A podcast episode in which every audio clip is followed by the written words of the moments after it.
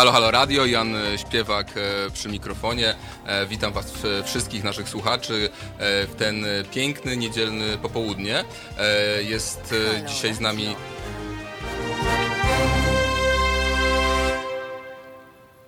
Jest z nami również e, Przemysław e, Witkowski z Kolegium Civitas, doktor, e, osoba o e, wszechstronnym wykształceniu i zainteresowaniach.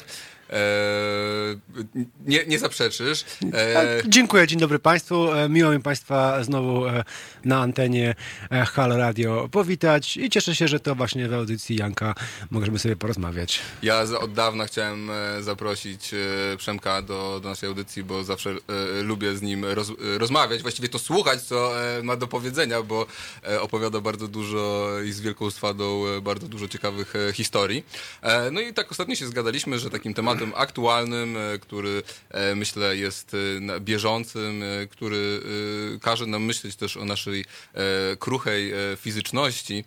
Jest kwestia nadchodzącej suszy, chociaż ostatnio popadało trochę śniegu nawet w Warszawie. Pierwszy raz spadł śnieg, o ile dobrze pamiętam, nie utrzymał się co prawda cały dzień, ale ogólnie nie jest z tym dobrze. Więc e, postanowiliśmy dzisiaj porozmawiać o katastroficznych wizjach, e, które e, mogą się ziścić. E, absolutnie nie mówimy tutaj o e, bajkopisarstwie, tylko o e, rzeczach osadzonych w nauce i jakby w naszej kulturze. Ja może, zanim tutaj przejdę do, do, do, do naszego gościa, tylko przeczytam o tym, jakie są E, nasze, nasza sytuacja, jeśli chodzi o współrzędne klimatyczne, a mianowicie 2019 rok był najcieplejszym rokiem w historii polskich pomiarów. E, średnia temperatura dla Polski wyniosła 10,2 stopnie.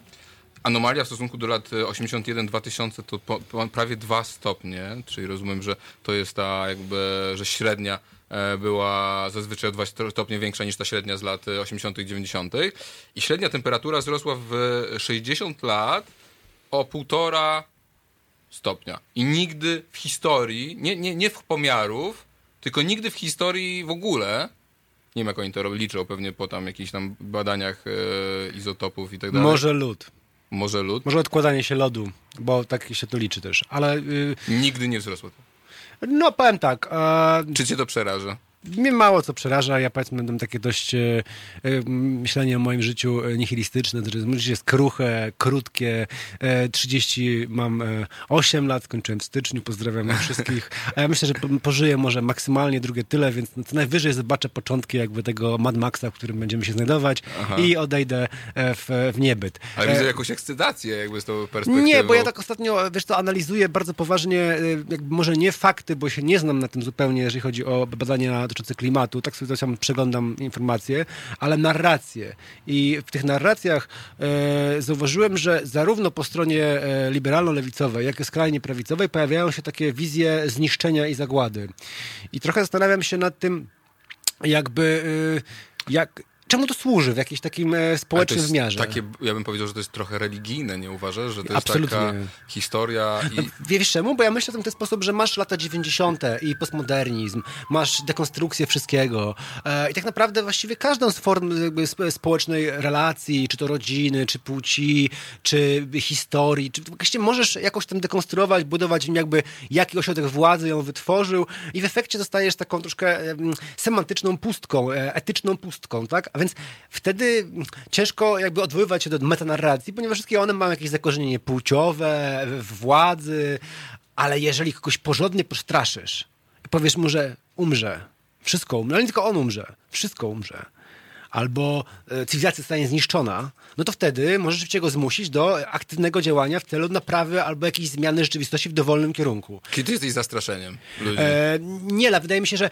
cię, że, że, że, że to, to, nie ja jestem za tym, ja tylko obserwuję zjawisko i to zjawisko jest takie, że w latach 90. wszystkie metanarracje już pozdychały. E, zdechł e, w 45 roku faszyzm. Zdechł w 81 właściwie komunizm w wersji radzieckiej ostatnio zdechł właściwie liberalizm jako, jako, jako No, opowieść o naprawie świata, bo okazał się być włada, potworny. włada nami neoliberalizm. Tak jak mogę znaleźć elementy faszystowskie i komunistyczne gdzieś tam w rzeczywistości, ale chodzi mi o to, że nie, ma- nie jest porywającą opowieścią. To wiesz, ja pamiętam pokolenie naszych- Neoliberalizm nie jest porywającą No opowieścią. nie, no pamiętam pokolenie naszych starych, którzy po prostu byli zachwyceni jakby, e, że zmiany, że Ameryka, że No bogactwo. ale ciągle mnóstwo ludzi uważa, że załóż firmę i będziesz bogaty i osiągniesz zbawienie. Tak jak wiele osób uważa, że Adolf Hitler dobrze zrobił z czymś tam, z czymś tam, ale to nie znaczy, że To- powiedział, że je- faszyzm jest w, w natarciu No wygrywający. to, ale dobrze, ale wróćmy do tej narracji katastroficznej i, e, i co, i ona jest odpowiedzią na ten e, nihilizm i gnuśność współczesnych czasów i daje jakiś powód e, do wspólnego, kolektywnego działania. I Moim zdaniem tak. I od, Czyli i, i, i bo ja, Greta, Greta mi się wydaje być taką postacią wręcz e, biblijną, z Greta Thunberg, taką... E, Krucjata dziecięca. E, nie, nie, to, nie, nie akurat to, ale tutaj oczywiście też widzę pewne, pewne podobieństwa, e, ale mi się wydaje, że ona ma bardziej w sobie takiego proroka, znaczy takiego, który przychodzi i głosi e, nowinę. E, No ma być takim czymś. Ostrzega przed... Ma być takim czymś, a ja jestem jakiś taki niechętny pajdokracji w swoim życiu, i, czyli rządem dzieci i trochę mnie niepokoi, że każda ze stron próbuje wyciągać jakieś dziecię, które ma prowadzić bezczyste, niewinne, nieskalane, walczące o przyszłość. No, na przykład w Polsce widzę takie podejście było przy e, o ile chyba w Płocku, żebym nie skłamał, przy Paradzie Równości pojawił się jakiś taki młodzieniec ze skrajnej prawicy e, e, nazwiskiem, może nie, nie, nie wiem Jakub, może tak go nazwijmy, bo tak się nazywa. Bardzo piękne żydowskie imię. Tak, tak. I Jakub, e, on e, chyba nazwiskiem Baryła, gdzieś tam z krzyżem stał, chyba w Płocku było, prawda? Tak mi się wydaje, I to tak. też miało... Parada Równości I tam, o ile jakby na... I on- tak, to było- O ile wśród liberalnej lewicy spotkał się z jakimś takim e, zażenowaniem i niechęcią. Ale to był tak, totalny na, rigicz, jak to, to, mawiają. to na skrajnej prawicy, no wspaniale. A jeszcze okazało się, że Chłopina nie jest jakimś randomem, tylko wzięto go, że on jeździ na spotkania z Korwinem, tak. Michalkiewiczem, jakimiś takimi Korwina. najgorszego sortu i on tam generalnie e, ma, chodzi w muszce, Tak, tak, wiesz, tak, taki tak, jest tak. klon, klonem Korwina. miał jakiś ogromny, miał ten krzyż. Ogromny, taki było- taki taki ścienny. Znaczy on ewidentnie się przygotowywał do tego i po prostu tylko zastanawiał się, jakie będzie miał zdjęcie, jak No go tak. wyprowadza policja. Po czym e, kolejna, wracając do Grety Thunberg, e, znowu e, korwiniści e, reklamują jakąś Szwedkę pochodzenia irańskiego, e, co to dla nich ważne, bo żeby nie było, że oni Mhm. muzułmanów nie lubią. E, no i ona, e, nie wiem, czy jest muzułmanką właśnie. Greta? Nie, nie, nie. Otóż chodzi Jakaś o to, inna jest. Tak, że oni też jakąś kolejną 16-latkę, która z kolei jakieś ultraprawicowe bzdury. Ja mam wrażenie, że tendencja jest taka. E, dzieci niewinne, nieuwikłane w nasze tutaj e, problemy, chcą budować lepszy świat, więc jakby są jakby to jest popularny motyw aktualnie, bo trochę jest też tak, że jest niezwykle niskie zaufanie do elit politycznych. No. Jakby ludzie, którzy... Ja się nie dziwię. No. Ja też się nie dziwię, tylko w tym sensie, że sięga się po takie osoby, które nie Ale- miały szans się zamoczyć jakby w tym, w tym dlaczego, sosie. jak ty mówisz sięga się i tak dalej, czy to nie jest trochę jednak paternalistyczne w stosunku do Grety? Czy to może nie jest po prostu naprawdę już taki ostatni okrzyk Ale ja szczery mówię o widzach. rozpaczy? Ja mówię o widzach. Mówisz jak widzę. Mówię tak? o widzach, ja nie mówię, że to się... Na pewno ma cały sztab ludzi, mnie to nie zna, ale nie znam się na tym, nie mam pojęcia, więc nie będę się powiadał na temat, nie będę takim typowym Polaczkiem, który będzie po prostu, nie znam się, to się wypowiem. Mm. Ja tylko powiem tak, e, ludzie kupują taką postać, bo wydaje mi się, że reprezentuje na przykład brak zakorzenienia e, w elitach, które są skorumpowane, wyprane z, ide z idei, nieszczere, e, pełne takich drobnych, materialnych interesów, więc ktoś, kto jest młodszy i nie, nie jest technicznie rzecz biorąc w stanie być jakby w częścią elit takich, no budzi większe zaufanie niż te elity, to też tragicznie świadczy o elitach. No tak, ale to Greta właśnie właściwie co ona, jedyne co ona mówi, to mówi o liczbach, tak? Znaczy ona każe nam tak naprawdę, e, z, zostając przy jakimś tam psychoanalizie, każe nam zetknąć się z realnym, tak? Że ona nie, ona nie, ona nie opowiada jakiejś historii, że tutaj będzie, nie wiem, pożary, wszystko, nie wiem, wy- wysnuwa jakieś wizje e, e, rodem e, z apokalipsy, tylko opowiada o liczbach, o tym, jak człowiek wpływa na ocieplenie klimatu i może to jest po prostu taki efekt też, że jesteś skonfrontowany z prawdą, faktami i to ci dostarcza 16-latka spokojnym, wręcz e, nieprawdopodobnie wyważonym e, głosem i, i ty jesteś po prostu przy tym bezbronny. Czy ja mam większy problem z tym, że jakby. y, mm, Ja nie ulegam jakimś takim apokaliptycznym wizjom, bo ja wierzę, że jesteśmy absolutnie w stanie przy naszej technologii e, i dobrych chęciach zrobić zupełnie jakby odwrotną e, drogę, że to jest takie dialektyczne, że jeżeli e, nawet e, dzieje się jakaś e, k, bardzo z, zła zmiana w, w klimacie, absolutnie przy naszej technologii jesteśmy w stanie ją odwrócić, tylko tutaj jakby brakuje absolutnie woli politycznej. Ja się obawiam, że tutaj najbardziej utylitarnym e, rozwiązaniem e, okaże się być globalna wojna. Ja już, ja już widziałem takie wyliczenia, e, które mówią, że właściwie uderzenia atomowe tu i tam e, i tyle i tyle ofiar spowodują właściwie polepszenie sytuacji o tyle i tyle. No tak, ale wiesz o tym, że e, naszą klimat i naszą planetę w ogromnej większości niszczą bogaci, więc rozumiem, że te wszystkie jądrówki musiały pójść na Los Angeles, Londyn i tak Powiem dalej, tak? tak? Nie, nie chciałbym, bo na kogo, nie, nie, chciałbym nikogo zaciągnąć. Bo to nie jest tak, wiesz, że to nie chodzi o to, że biedni są problemem tutaj. Ale nie powiedziałem, że biedni są problemem, absolutnie no, ale, nie rozczułem tego tematu. Powiedziałem tylko tyle, że... tej, tej gadaniu o kontroli liczby populacji pobrzmiewa taki... E, mm, to jest twoja interpretacja. E, pobrzmiewa taka nuta. To jest interpretacja twoja, ja po prostu może bardziej nihilistycznie myślę, że e, e trudno mi uwierzyć w masowe moralne odnowę, e, która miałaby zmienić rzeczywistość i prędzej jestem w stanie uwierzyć w, w duży konflikt zbrojny. Nie dlatego, że go pragnę, tylko dlatego, że uważam go za bardziej prawdopodobny. A czy biedni, czy bogaci? No, na pewno go wywołają bogaci, bo bogaci generalnie rządzą we wszystkich krajach, a nie biedni. Więc jakby w tym sensie nie wiem skąd ta uwaga o biednych. Znaczy myślę o tym, że niestety yy, to smutne, dopuszczam większą możliwość, yy, tak, nie dlatego, że ja bym tego sobie życzył, broń Boże tego nie życzę. Halo, ludzie, nie życzę sobie, żeby bomby spadły na Los Angeles. Atomowe, tym bardziej. Bardziej chodzi mi o to, że yy, to smutne, że prędzej wyobrażam sobie, że ktoś wywoła konflikt atomowy, niż dokona radykalnej redystrybucji, obalając system e, ekonomiczny, w którym żyjemy. No dobrze, ale tutaj też y, to Witko przecenia pan ludzkość. Jeżeli ja... to jest przecenianie ludzkości, to naprawdę, to naprawdę nie wiem, To znaczy, że mamy duży problem z oceną szans ludzkości na przetrwanie, tylko że jakby część tego komunikatu, który Greta, e, nasza e, prorok, e, czy e, jakkolwiek ją e, uznamy, że tutaj dochodzimy do pewnego punktu, który będzie e, mm, nieodwracalny, tak? Że to jest ten tipping point, jak mówią Amerykanie. Ale nieodwracalny dla e, ludzkości, czy dla życia w ogóle? Bo ja mam wrażenie, że e, jako taki powiedzmy dość nihilista... Nie no, że po prostu zrobi się za ciepło na planecie, do, finalnie zrobi się za tak ciepło na całej planecie, że człowiek nie będzie mógł... E, no to wiem, że...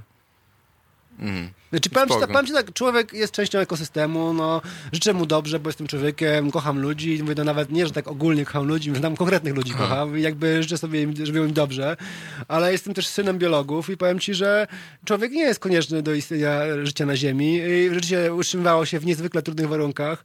E, jeżeli człowiek wyginie, to podejrzewam, że inne formy życia zastąpią go, nawet może dla jakby ogółu ekosystemu lepiej. W tym sensie e, prawdziwy antynatalista powinien być konsumpcjonistą, a nie jakimś weganinem czy czymś takim. Czyli bo... ty nie przewidujesz e, jakby tego, że będziesz posiadał dzieci, ani nic takiego. Nie myślisz to perspektywą ludzi, którzy mają, będą mieli dzieci.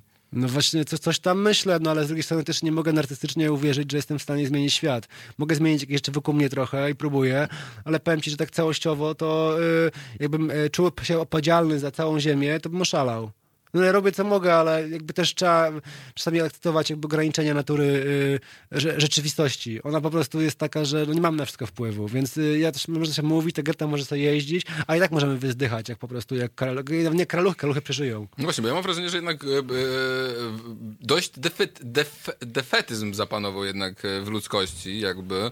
Ja mam takie wrażenie, że jednak jest te czasy progresu i postępu, które mieliśmy chyba tak do nie tak do niedawna. Nikt nie wierzy w żaden postęp. No nie, no w latach 50., 60., 70., okay, jak wylądowaliśmy na Księżycu e, i tak dalej. No Ale wiesz, po czym się, po czym się zdarzyło? Było, było państwo opiekuńcze. Okej, okay, to po czym się, po czym się zdarzyło, no, pamiętasz? Co, co się zdarzyło? Państwo opiekuńcze w zachodniej Europie. No właśnie. Po czym? Po wojnie, w której wyrżnęło się ma masy ludzi. Okej, okay, no dobrze, ale, ale czyli była wiara w postęp, tak, do nie wiem, do lat 70. Co im zostało? Wiesz, wiesz to, A teraz jest wiara w to, że wszyscy upadniemy. No, to no ja mam wrażenie, że, że trochę, no. trochę, trochę, I tak, tak jakby wszyscy, okej, okay, dobra, okay, no, bogaci nas wszystkich zabiją. Jakby, okej, okay, dobra. I nic. E, powiem tak, to, to, pier- to, nie jest jednak dziwne. Pierwszy, nie no, ja, moim zdaniem jakby siedzimy trochę obaj w, w bańce e, takiej powiedzmy libleftowej i taka narracja w tym momencie nam się utrzymuje. Z kolei w takiej e, ultraliberalnej e, bańce, i to nie mówię o polskiej, tylko globalnej, panuje taki nastrój e, akceleracjonistyczny że nowe technologie, że Silicon Valley. Czy jednak postęp? Nie no, ale to tam, to tam tak, tylko pytanie brzmi, e, jaki to będzie postęp, e, bo ja mam wrażenie, że rzeczywistość, która będzie nam e, budowana, nie, wcale nie musi być ekologiczną harmonią, tylko może być ekofaszyzmem, o którym z chęcią później ci powiem jako realnej... Ekofaszyzm. O tak, bo, dla, bo jeszcze w ogóle nie wyszliśmy z tej takiej straszenia przez Libleft apokalipsą klimatyczną, a ja mam jeszcze takie parę elementów jak skrajna prawica, która straszy na przykład migrantami, czy upadkiem cywilizacji e, białego człowieka, cokolwiek to znaczy, a potem jeszcze może być synteza tych, tych dwóch rzeczy i jeszcze może się okazać, nasi znajomi, mili ludzie będą tam generalnie Tak, ja ostatnio aktywistami widziałem, tego ja badziewia. widziałem ostatnio narodowców, którzy coś tam mówili o, o e, ochronie środowiska i ten zielony konserwatyzm czy nacjonalizm e, zdobywa, będzie na pewno zdobywać coraz więcej, ale o tym po e, Coldplay piosenka Viva la Vida. Halo Radio. E, Halo, halo radio, wracamy do tematu e, zagłady, która e, się zbliża, przynajmniej wedle niektórych. Na pewno obserwujemy tutaj nawrót, powrót do takiego myślenia katastroficznego w mediach. Myślę, że takim ciekawym wątkiem były fenomen różnych seriali typu e, zombie i tak dalej, Walking Dead, te, te wszystkie filmy katastroficzne. Nie wiem, ja mam przynajmniej takie wrażenie, że to gdzieś było podszyta popkultura ostatnio takimi... Ostatnio robiłem e, wywiad z e, profesorem e, Lechem Nijakowskim, który napisał książkę po apokalipsie, która jest całą analizą w popkulturze motywów post-apo. I to taką właściwie od początku, czy tam XIX wieku, dajmy na to, do tego nasilenia aktualnie. I rzeczywiście, czy to klimatyczna, czy to usymbolizowana w postaci zombie, e, czy jakiegoś wirusa, właśnie aktualna sprawa, e, jest coraz częstszym e, motywem.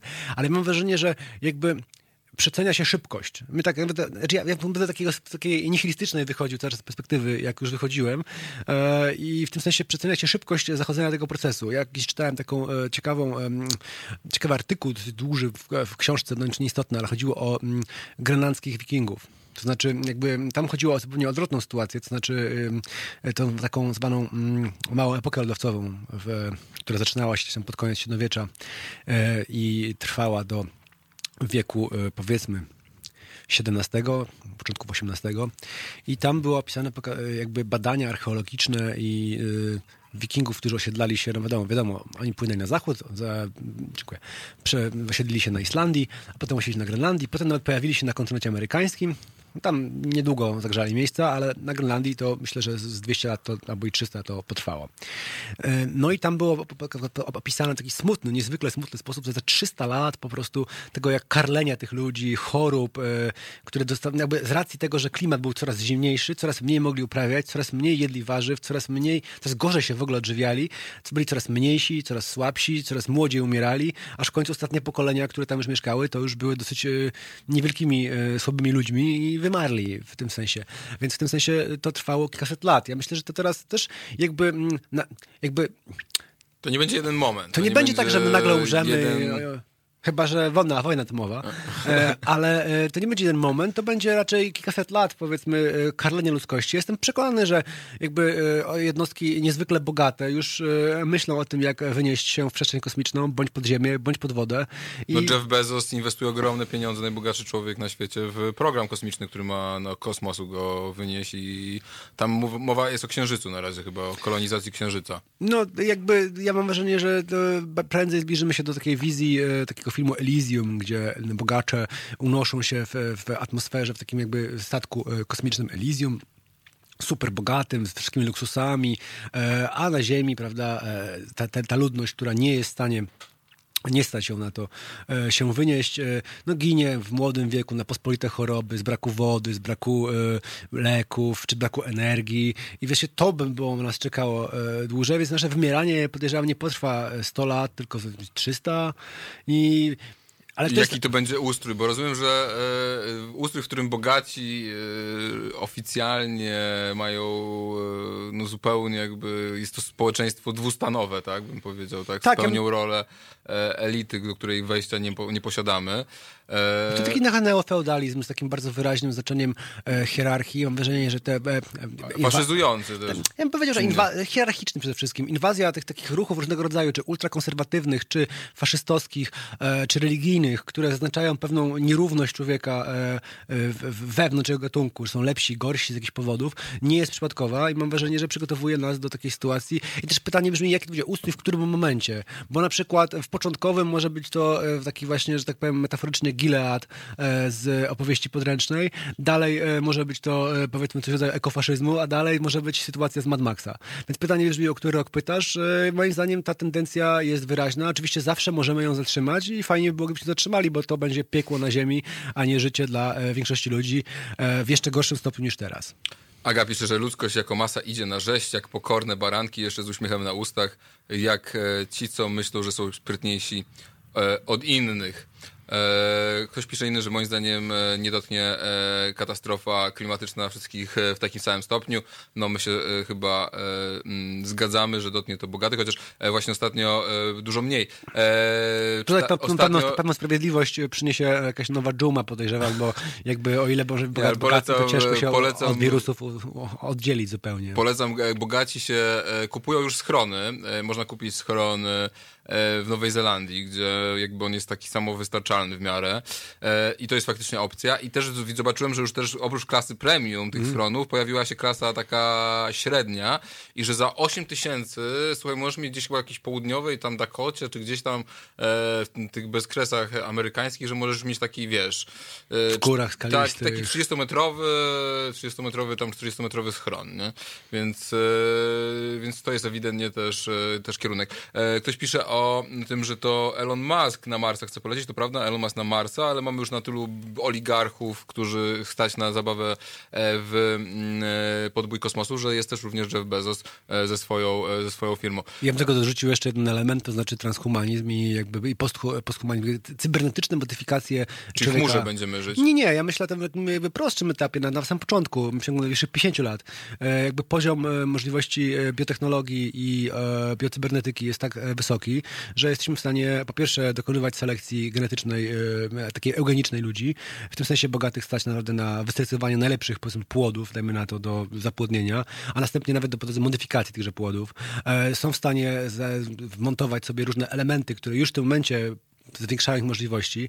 E, mam wrażenie, że to doprowadzi do, mm, z tymi tendencjami hierarchicznymi, takimi powiedzmy, nazwijmy to faszystowskimi, ale powiedzmy, że chodzi o, bardziej o hierarchiczność w duchu takim kastowym indyjskim, e, do sytuacji, w której bogaci naprawdę będą innym gatunkiem, w tym sensie, że będzie stać ich na modyfikację swojego genomu do tego stopnia, że od innych będą e, biednych, będą się różnić raz, że tym, a dwa, że jeszcze takimi technicznymi udogodnieniami. I realnie, o ile teraz ja obserwuję już jakieś takie dzieci bogaczy, które już się wydaje, że są lepsi niż reszta, a tylko lepiej się ubierają i, i nie wiem, lepszych perfum używają, yy, a to, to wyobraź sobie sytuację, w której będziemy, yy, kiedy oni rzeczywiście będą mogli zmodyfikować genom swojego potomstwa i wmontować temu potomstwu jeszcze jakieś elementy. I to nie jest jakiś science fiction rzędu yy, 2137, tylko... Ale ten motyw historii ludzkości, że biali na przykład byli panami, prawda, a populacja usługująca była innego koloru skóry, prawda, poza tym bogaci mają lepsze jedzenie, lepszą opiekę medyczną, więc jakby siłą tym- rzeczy są trochę więksi, To w ogóle lepsi. na, na, na tym etapie to już to działa. No tak, tak, a, tak, a jak no. to będzie się działo, kiedy podrasujemy Tak, tą tylko pytanie jest teraz takie, jak ci bogaci, którzy będą nawet ci zmodyfikowani i tak dalej, jak oni będą trzymać większość populacji, która będzie żyła w niepotwornej e, nędzy, jak oni będą trzymać pod butem? No bo rozumiem, że tu już tak naprawdę jakiekolwiek ideologiczne wyjaśnienie w stylu wolny rynek nas zbawi, nie wiem, wszyscy jesteśmy Polakami, to już nie zadziała. Będą musieli uciec się chyba do twardej, nagiej przemocy, no bo co innego im zostanie. No i to robią krok po kroku. No, No i to robią to- krok po kroku, tylko w tym momencie jakby my jesteśmy taką trochę żabą, która e, jest gotowana, e, tak metaforyczną żabą, gotowaną jakby temperatura, wkładasz żabę do garnka, z wodą ona sobie pływa, temperaturę podnosisz, ona nawet nie zauważa, jak jest ugotowana. W tym sensie, że to e, jest przesuwane krok po kroku. Szczególnie, że my żyjemy dość e, krótko, no tam 70-80 lat, to dajże każdemu tyle życia. E, wiesz, że wiek, e, średni wiek życia się skraca w Polsce, w Wielkiej Brytanii i Stanach Zjednoczonych, że jakby że ten, że jakby ten model neoliberalny, on powoduje w pewnym momencie załamanie się jakości Absolutnie, życia. absolutnie tak. To już jakby nawet dla Polski są różnice w Warszawie typu kilkanaście lat między, No tak. e, nie wiem, p, p, częścią Pragi a, e, a Wilenowem, tak? To są różnice rzędu 10 lat, 11 lat. Że No jakby, tak, tak. ale tutaj decyduje przede wszystkim... Praga Północ, tak. e, decyduje przede wszystkim e, jakby służba zdrowia, żywność, nawyki, e, czas odpoczynku, mniejsza ilość stresu i tak dalej. Więc ja naprawdę, jeżeli na tym etapie można było w XIX wieku, w wiktoriańskiej Anglii, produkować ideologię, która udowadniała, oczywiście no, zupełnie z, od czapy, no ale powiedzmy, że na, na elementach rzeczywistości, że taki klasy średniowy człowiek jest lepszy, No tak, to, to wyobraź wtedy sobie miałeś- sytuację... Ale wtedy jednak e, było jednak to trzymane naprawdę w warunkach no, totalnej przemocy. No, w Wielkiej Brytanii była obowiązkowa praca dla bezdomnych, był jakiś... E, znaczy oni tam trzymali za mordę No ale jeżeli biednych. oglądasz sobie... No, To nie było... E, to nie było... Weźmy więzienia.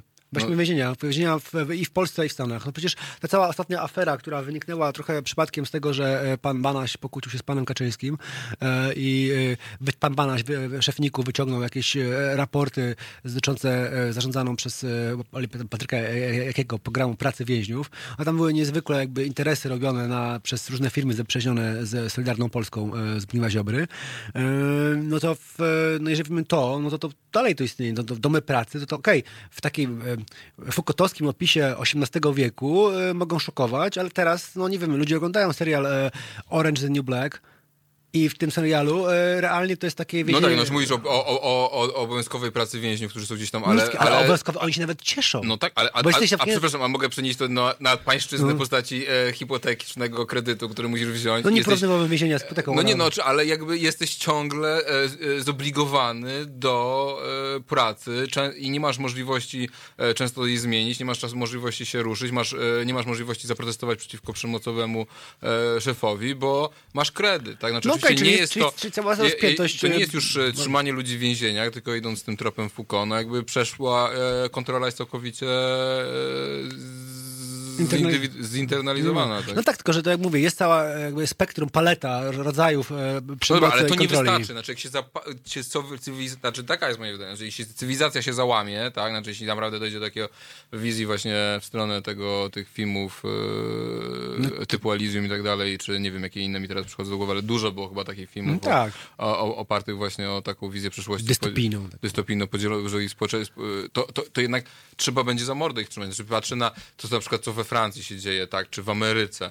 No i czy czy- chociażby w- czy- I tam się widzimy, że ta policja jest coraz bardziej brutalna, tak? Że Czy nie w ma wcale... Hiszpanii, No, czy w ale- Rosji. Ale pytanie brzmi, czy rzeczywiście wywołuje to, jeżeli to nie jest robione gwałtownie, nie, że nagle ktoś otwiera, e, teraz wojsko przyjeżdża, strzela tutaj w głowę, Nie, no bo e, oni... tylko krok po kroku. Tak, to jest raczej bicie pałkami na razie. Potem strzelanie z tak, gumowych kul, e, potem drony. No we, Francji paręset osób straciło wzrok chyba, tak? Tak, plus możesz prowadzić ten taki chiński system e, punktów. jakby to nigdy nie Boże, to jest zachodzi. tak, to nigdy, to nigdy nie zachodzi gwałtownie. To najczęściej zachodzi krok po kroku. To najczęściej zachodzi na bardzo wielu polach naraz. Najczęściej jest też smarowane jakimiś bonusami, plusami dla osób, które się dostosują. To nie jest tak, że jest to naga przemoc jutro. To jest e, przesuwanie całego systemu w kierunku większej akceptacji ideologicznej, e, rynkowej. E, No tak, ale tutaj masz tak, masz e, o, e, kompromitację modelu ideologii tej neoliberalnej obowiązującej tam, tak? Masz, za moment skończą ci się zasoby, więc nie będziesz mógł po prostu podtrzymać jakości życia. Awans e, jest społeczny, jest właściwie dzisiaj zablokowany, nie masz żadnego awansu społecznego. Masz klasę polityczną, która de facto w 80%, przynajmniej w Polsce, ale też w innych krajach, de facto jest się niczym nie różni, tak? Już nie chcę tutaj wchodzić e, oczywiście w szczegóły, ale wyznają ten sam model wizji w stosunków społecznych jakby i, i relacji hie, e, klasowych czy, czy hierarchicznych e, i ten system powinien za moment eksplodować, tak nie, znaczy e, gdybyśmy byli Francuzami, no to Francuzi już daw- Francuzi do dwóch miesięcy protestują, tak? Mamy największe strajki. Co i tak, w historii- i tak koniec końców ten Macron jest aktualnie najpopularniejszym politykiem z No, na a, a, prezydenta. ale, ale ogólnie ludzkość po prostu siedzi cicho. No ale ludzkość nie decyduje o Francji, tylko Francuzi Nie, no, ale ogólnie, znaczy, znaczy, dlaczego przy takich y, warunkach jakby nie ma do czynienia z... Moim zdaniem jest bardzo wiele elementów, które smarują ten system. E, Cały czas jest forma nagrody. Ja mam wrażenie, że e, ludzie są w stanie naprawdę bardzo jakie wiele... nagrody, lajki na Instagramie, to jest... Wyjazd y, na Bali, e, seks, e, narkotyki. E, tak, wakacje, seks, narkotyki. I Tanie linie i tanie, dzięki tanim liniom, że możesz sobie pojechać na weekend do Tanie linie, Mediolanu i poczuć się jak pornografia, ten... dopalacze. Dla każdego coś miłego. Czyli taka wizja e, z Huxleya, tak? E, trochę. Dicka. Z Moby Dicka. Nie, z Filipa Dicka. E, Ja mam wrażenie, że e, polecam Państwu Filip Kendrell Dick. e, Na jego książkach zrobiono o łowce androidów, zrobiono raport mniejszości, zrobiono Człowieka z Zamku. Polecam, bo mam wrażenie, że jego paranoiczny, przećpany amfetaminą i innymi narkotykami umysł, krótkie życie dały niezwykle trafne wizje w naszej przyszłości i jako lektura jest to też bardzo interesujące zmierzyć się z tym, co jak ja czytałem 20 lat temu wydawało mi się odległą przyszłością, a teraz to czytam i myślę hmm, hmm. No, e, doskonale. E, Mam nadzieję, że nasza e, ostatnia część jednak będzie poświęcona temu, czy tych, jak ludzkość powinna się ogarnąć, żeby nie doszło do tych apokaliptycznych wizji i żebyśmy jednak sprawiedliwość, braterstwo i inne rzeczy zwyciężyły. A teraz Myslowic z twarzą Marilyn Monroe.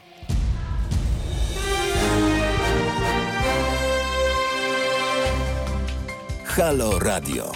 Pierwsze medium obywatelskie.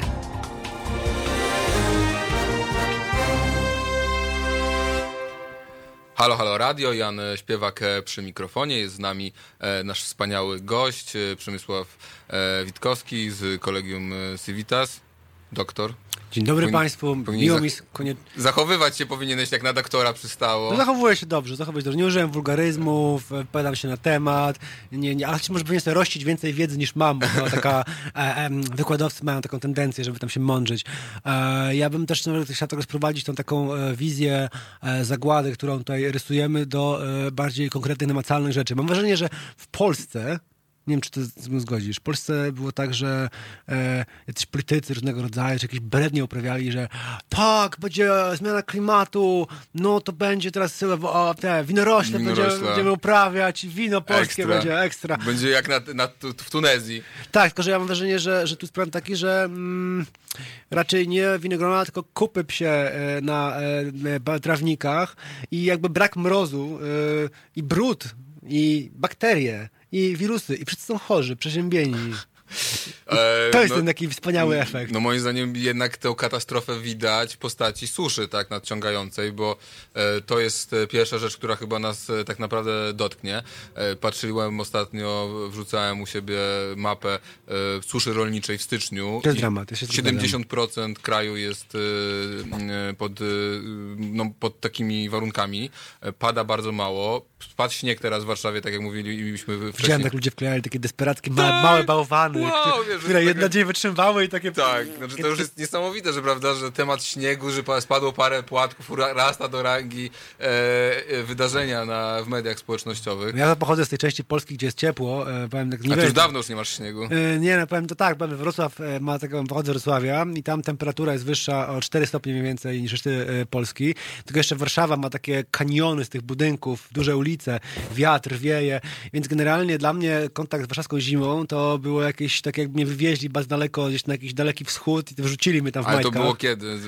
No parę lat temu No. jak przyjechałem, no 3-4, e, no nie zmienia to faktu, że rzeczywiście ta, ta zima w tym roku jest e, dla e, tragiczna i w tym sensie, że może i niektórzy gdzieś tam sobie będą tą winorość uprawiać, ale reszta będzie miała ceny warzyw ogromne.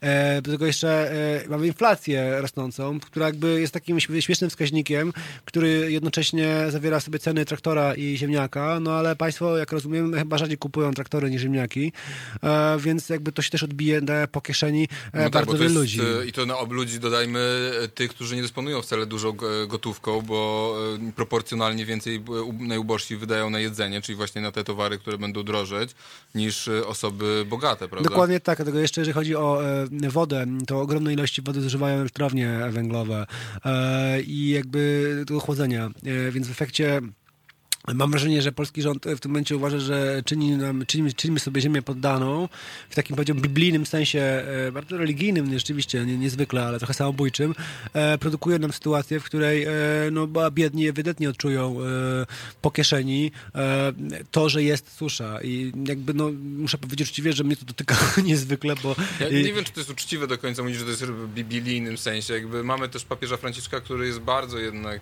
e, po- podchodzi do tego w inny sposób niż nasi lokalni e, hierarchowie. Myślę, że tutaj mamy jednak do czynienia z pewną po prostu grupą interesu, jakim jest Kościół katolicki Absolutnie. w Polsce. która jest który- powiązana z partią który jest- ak- aktualnie rządzącą. która jest powiązana z Ma futerkowcami, ma które są po- powiązani z by, pewnie gdzieś tam by, by, w- przemysłem też wydobywczym, że po prostu to są zimne interesy, tak? No powiem tak, jeżeli e, rząd... E, ja mam wrażenie, że te wszystkie kwestie wycinek Puszczy Białowieskiej, czy w ogóle wycinek w lasach, czy myślistwa, wynikają trochę z takiego, powiedziałbym... E, e, stanowi, stosunku do em, przyrody, która jest w tej części państwowa, czyli lasy polskie, wśród e, polskiej prawicy szczególnie i skrajnej prawicy, jakby do nierentownego państwowego przedsiębiorstwa. To znaczy, oni jakby nie zakładają, że istnieje jakaś biorównowaga, że istnieje jakieś, e, nie wiem, e, jakość czy powietrza, czy życia. Oni zakładają, że jest las, nie? No jest las, las drzewa.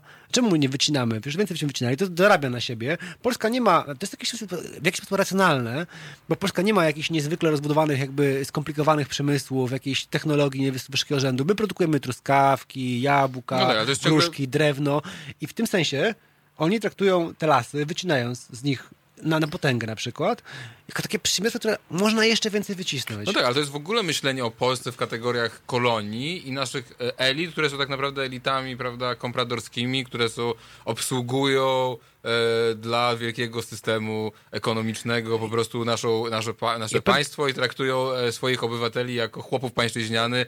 E, Trochę e, tak, ale z drugiej strony powiem ci, że ostatnio wysłuchałem tego, tego nieszczęsnego Dudy i powiem ci, że i dużo rozmawiam ja osobiście ze skrajną prawicą i trochę pojąłem o co im chodzi. On mówi, nasze życie jest skończone.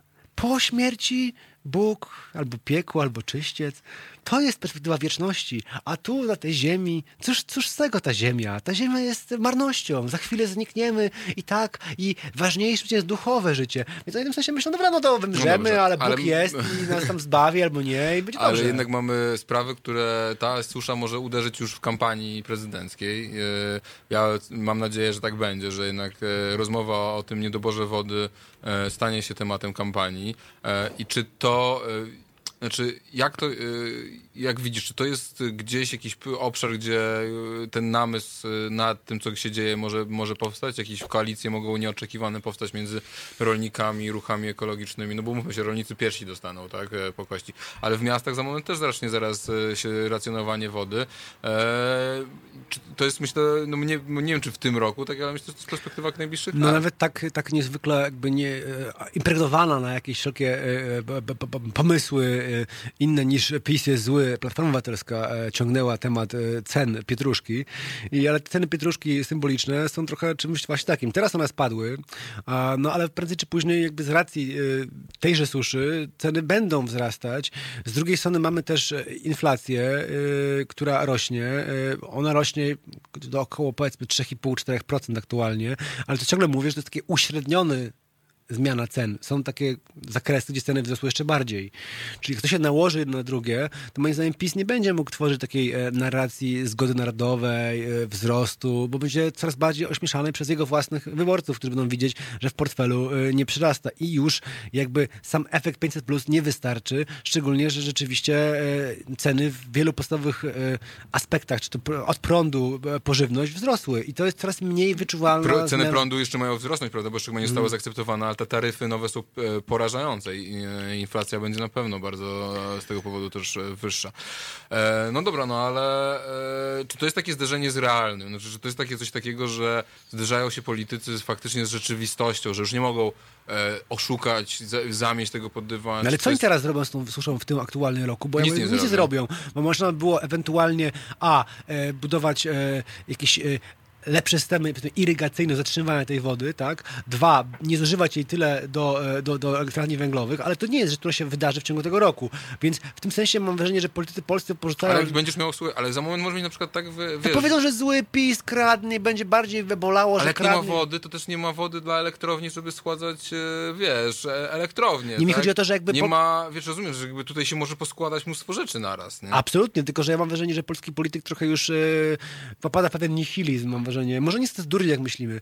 I myśli, co ja, brzuczek, mogę zrobić? Ja poczekam, aż No tak, los ich, tak, los tak, ich tak. wyrzuci na ryj, że przewrócą się na łasne nogi, ja Tak. wtedy powiem, że to oni kradną, że to źli Tak. ludzie i, i znowu mnie wbiorą. Ale wiesz, że e, jest e, ta, ta przypowieść, Boże, już teraz nie pamiętam, czy to był Kochanowski, czy Rej, chyba Kochanowski, tam e, jest taka przypowieść, nie każdy Polak się tam słucha i Polak po szkodzie tam e, e, e, to jest Polak? głupi i tak dalej. I, I on napisał to jakby, to, żeby dać Państwu kontekst e, historyczny, tej, oczywiście kompromituje się teraz e, autorstwa, nie pamiętam, a, ale on to pisał w kontekście najazdów e, tatarskich na e, Ukrainę. I on pisał o tym, że polska szlachta, mimo że są na te najazdy co dwa lata, oni tam najeżdżają, palą wszystko, biorą ludzi w jasyr i tak dalej, i tak dalej, że oni mimo wszystko nie chcieli uchwalić podatków na rzecz, żeby były stałe Jakby wojska. to wyjedzie, wrzucali to w koszty. Tak, jakby dokładnie. Znaczy, Ale że wiesz, co jakby- chodziło? Że, to- o, że o, jakby ale i wojsk, wol- ale rozumiesz, to I zamiast to zbudować rozsądne. twierdzę i tak ale dalej, to jest bardzo to rozsądne. oni po prostu, wiesz... Ale to jest bardzo rozsądne. Ja powiem dlaczego. e, Dlaczego nie chcieli, bo uważali, że ich biznes opiera się na, No, na silnej eksploatacji taniej i siły silnej, roboczej totalnie i silnej, środowiska naturalnego. i silnej autonomii e, szlachty wobec króla. Im więcej król ma e, pozycji, tym oni są słabsi. Im więcej ma armii zaciężnej, a nie No tak. ich armii, która oni są armią w normalnie zwyczaj, no to tym gorzej dla nich. Są mniej znaczą, są mniej ważni, więc mogą wrzucić tam powiedzmy w koszta śmierć iluś tam ludzi, nawet swoich rodzin, jakby się to zdarzyło, to koniec końców łącznie i tak tam się bardziej opłaca niż monarchia absolutna, która trzyma ich w klatce, jak we Francji i tam na dworze się... No tak, ale to, ale to, to jest historia z przełomu XVII, XVI i XVII wieku, a jakby była aktualna do dzisiaj, prawda? Znaczy, No bo taki jest model produkcji w tym terenie. Czyli... e, Jedyne, co się może zmienić rzeczywistość, to jest to, że ktoś jakimś cudem, na przykład, nie wiem, jakiś kraj wymrze, nastąpi jakaś wojna w innym miejscu, albo jakiś niezwykły klasyfikatualista wymyśli e, tutaj technologię, która będzie wdrażalna i sprawi coś albo geopolitycznie. No nie, ale, ale wiesz, znaczy... e, Ja tu nie chcę wychodzić, wyjść na a, a, apologetę e, PRL-u, no ale jednak mieliśmy trochę dobrego, fajnego przemysłu, który został zaorany. No, jest to cały, za- Zresztą ty z Dolnego Śląska, to powinieneś wiedzieć, Absolutnie, że... Bielawa, e, Dzierżoniów, cały, e, cały przemysł elektroniczny. No tak, ale to- to tak. E, wiesz, no mieliśmy naprawdę... No tak, ale tylko to było E, odgór, odgór, się, odgórnie, To nie jest przymusowo. do końca tak. Znaczy, ja jestem jednak coraz bliżej takiego wrażenia, że jednak dało się tutaj, gdyby nie ty, pod koniec 80. jakby się troszeczkę bardziej, byśmy byli asertywni wobec różnych pomysłów. Niemcy tutaj, były e, słabe, podzielone na dwie części. No e, robiliśmy to wszystko pod nadzorem radzieckim i planami, powiedzmy, ogólnie radzieckimi, przymusowo. Ale mogliśmy się stać taką Finlandią chociaż, no. No ale to ja tylko mówię o tym, że to nie jest zależne od tych nieszczęśników, co tu mieszkają. Ale Finlandia tylko... już nie ma takiej, z, takiej klasy politycznej beznadziejnej, no, która No nie, myśli no tylko nie. o tym, jak się nachapać i w perspektywie czterech lat, bo potem przyjdą i tak Tatarzy i wszystkich wezmą w jaser i ja muszę się teraz nachapać. I, i Musiałbym to lepiej znać przypadek, przypadek Finlandii. Ja mogę powiedzieć o Polsce, bo ten, ten kraj niestety trochę już znam, już mnie doświadczył. Znaczy, ja rozumiem, że polska, Polska. sytuacja w kapitalistycznym systemie, tak, peryferyjnym powoduje, że zawsze będziemy mieć Za takich... PRL-u miałeś słabe Niemcy, miałeś e, odgórnie wbudowany system jakby jaki ma być, miałeś plany, miałeś kontrolę i na, do końca nie miałeś tutaj klasy średniej, która mogła mieć własne interesy, bo jej nie było.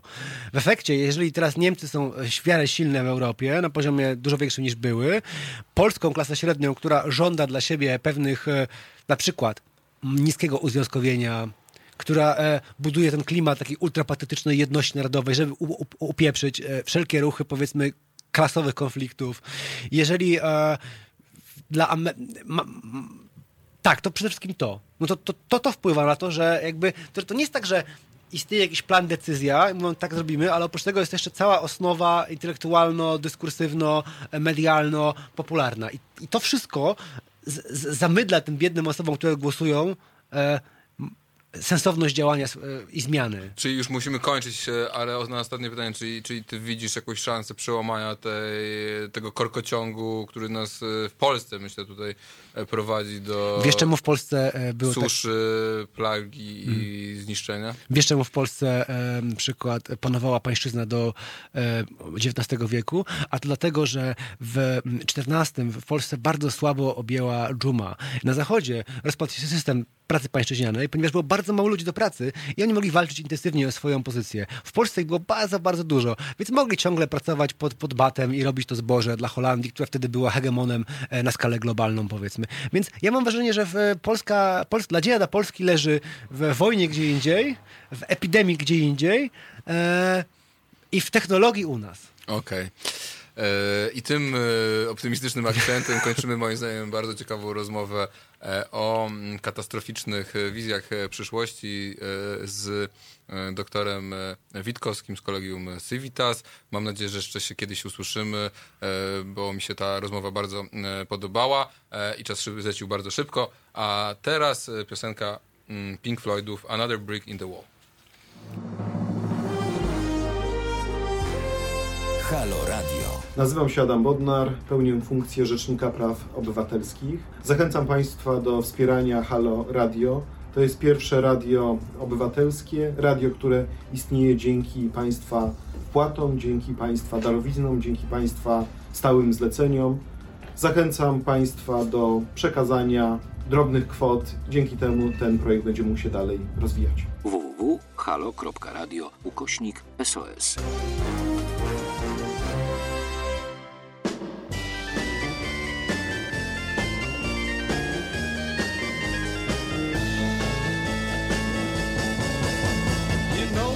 Would be untrue.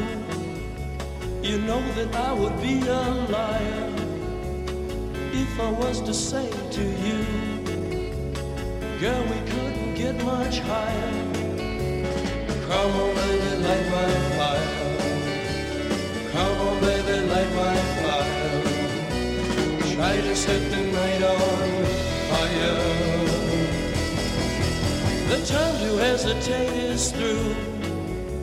No time to wallow in the mire. Now, we can only lose. And our love become a funeral pyre. Come on, baby, light my fire. Come on, baby, light my fire. Try to set the night on fire.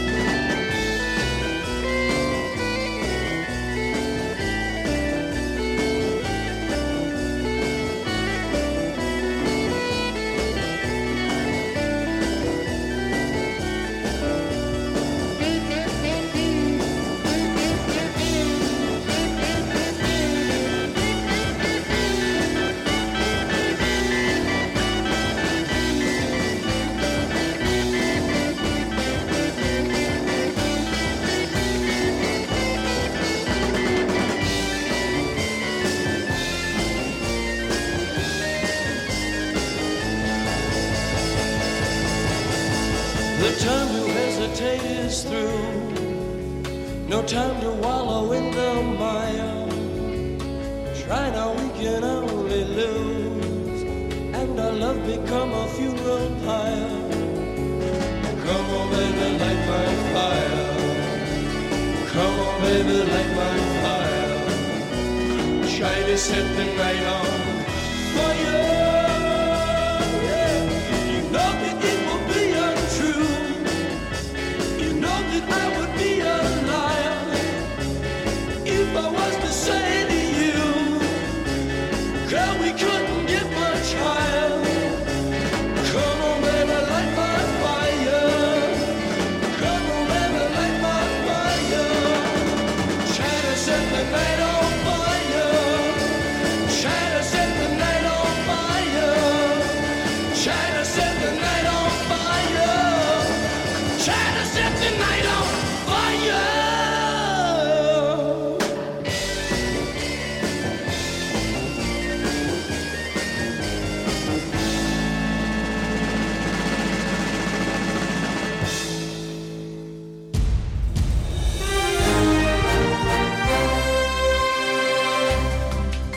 Halo Radio. Pierwsze medium obywatelskie.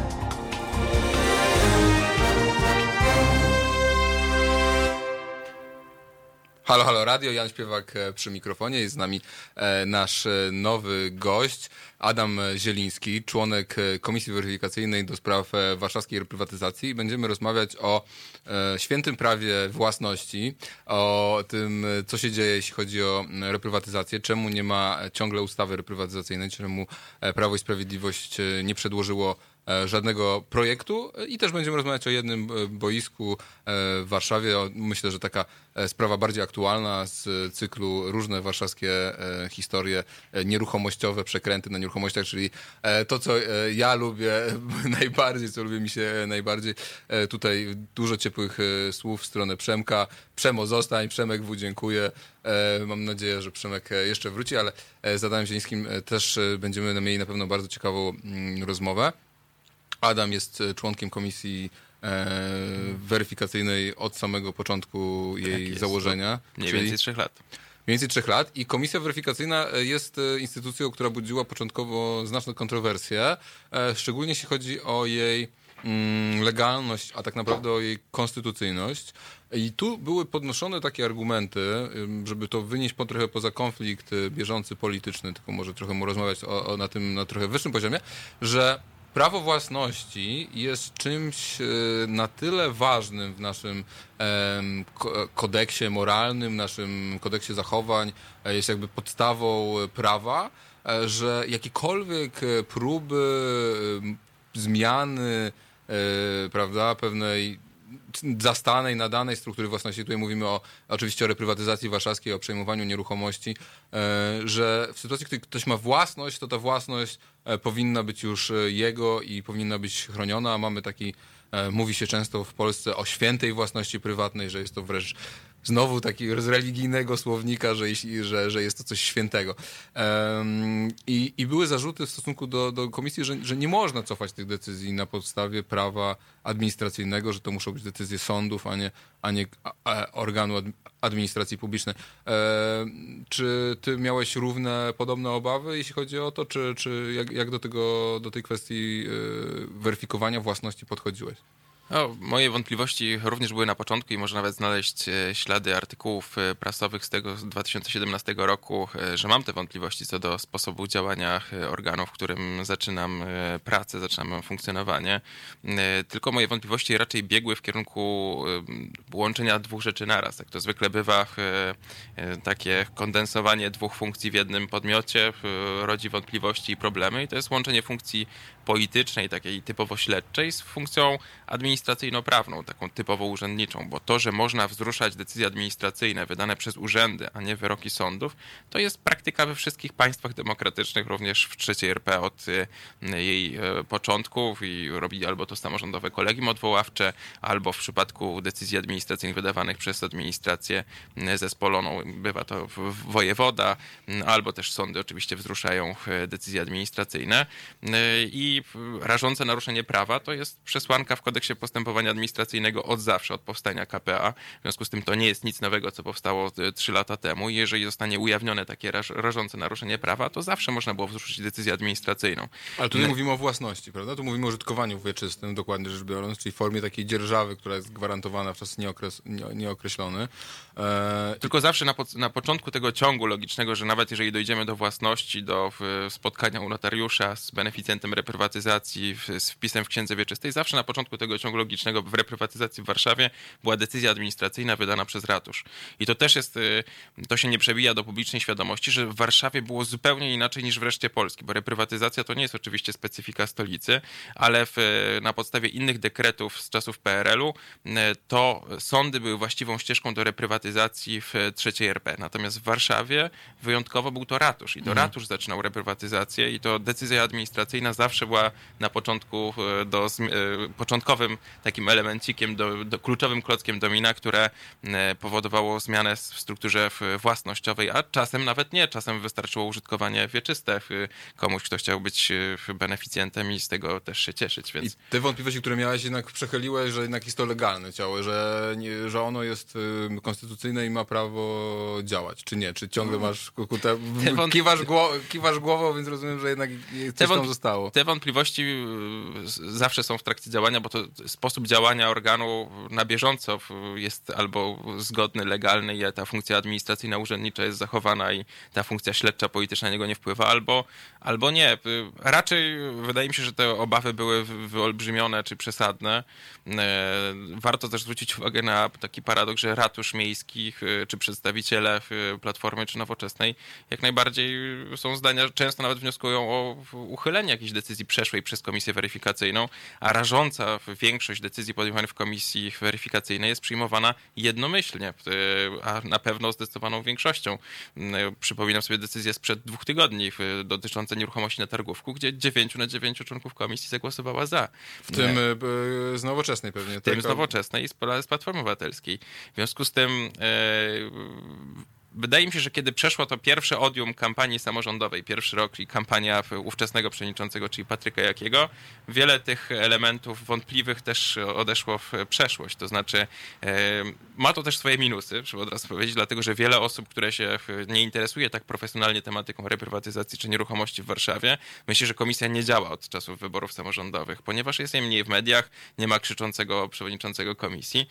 Natomiast y, z punktu widzenia jakości pracy, nawet statystyki decyzji y, weryfikowanych przez komisję, to ta statystyka od wyborów samorządowych poprawiła się czterokrotnie. To jest naprawdę mm, bardzo dobry krok. Jeszcze dużo brakuje do tego, żeby można było chwalić, ale, ale y, sprawy wręcz idą w lepszym kierunku niż gorszym. W związku z tym, y, w związku z tym te wątpliwości na pewno są dużo, dużo mniejsze jestem przekonany, że konstytucyjnym jest powołanie organu administracji publicznej, żeby mógł weryfikować, kontrolować decyzje administracyjne wydane przez inny organ administracji Ale Hanna. Gronkiewicz-Walc nie przychodziła na y, komisję weryfikacyjną, plus y, dzisiaj mamy taką sytuację, że y, ratusz skarży uzasadnienia decyzji komisji weryfikacyjnej. Znaczy, żeby Państwo słuchacze mieli jasność, bo dla mnie to jest coś absolutnie bulwersującego, nie będę tutaj udawać, że jestem obiektywny w tym zakresie. Znaczy, mamy decyzje, które odbierały y, y, prawo no, własności, użytkowania wieczystego do e, nieruchomości różnym osobom, które wchodziły we władanie, we własność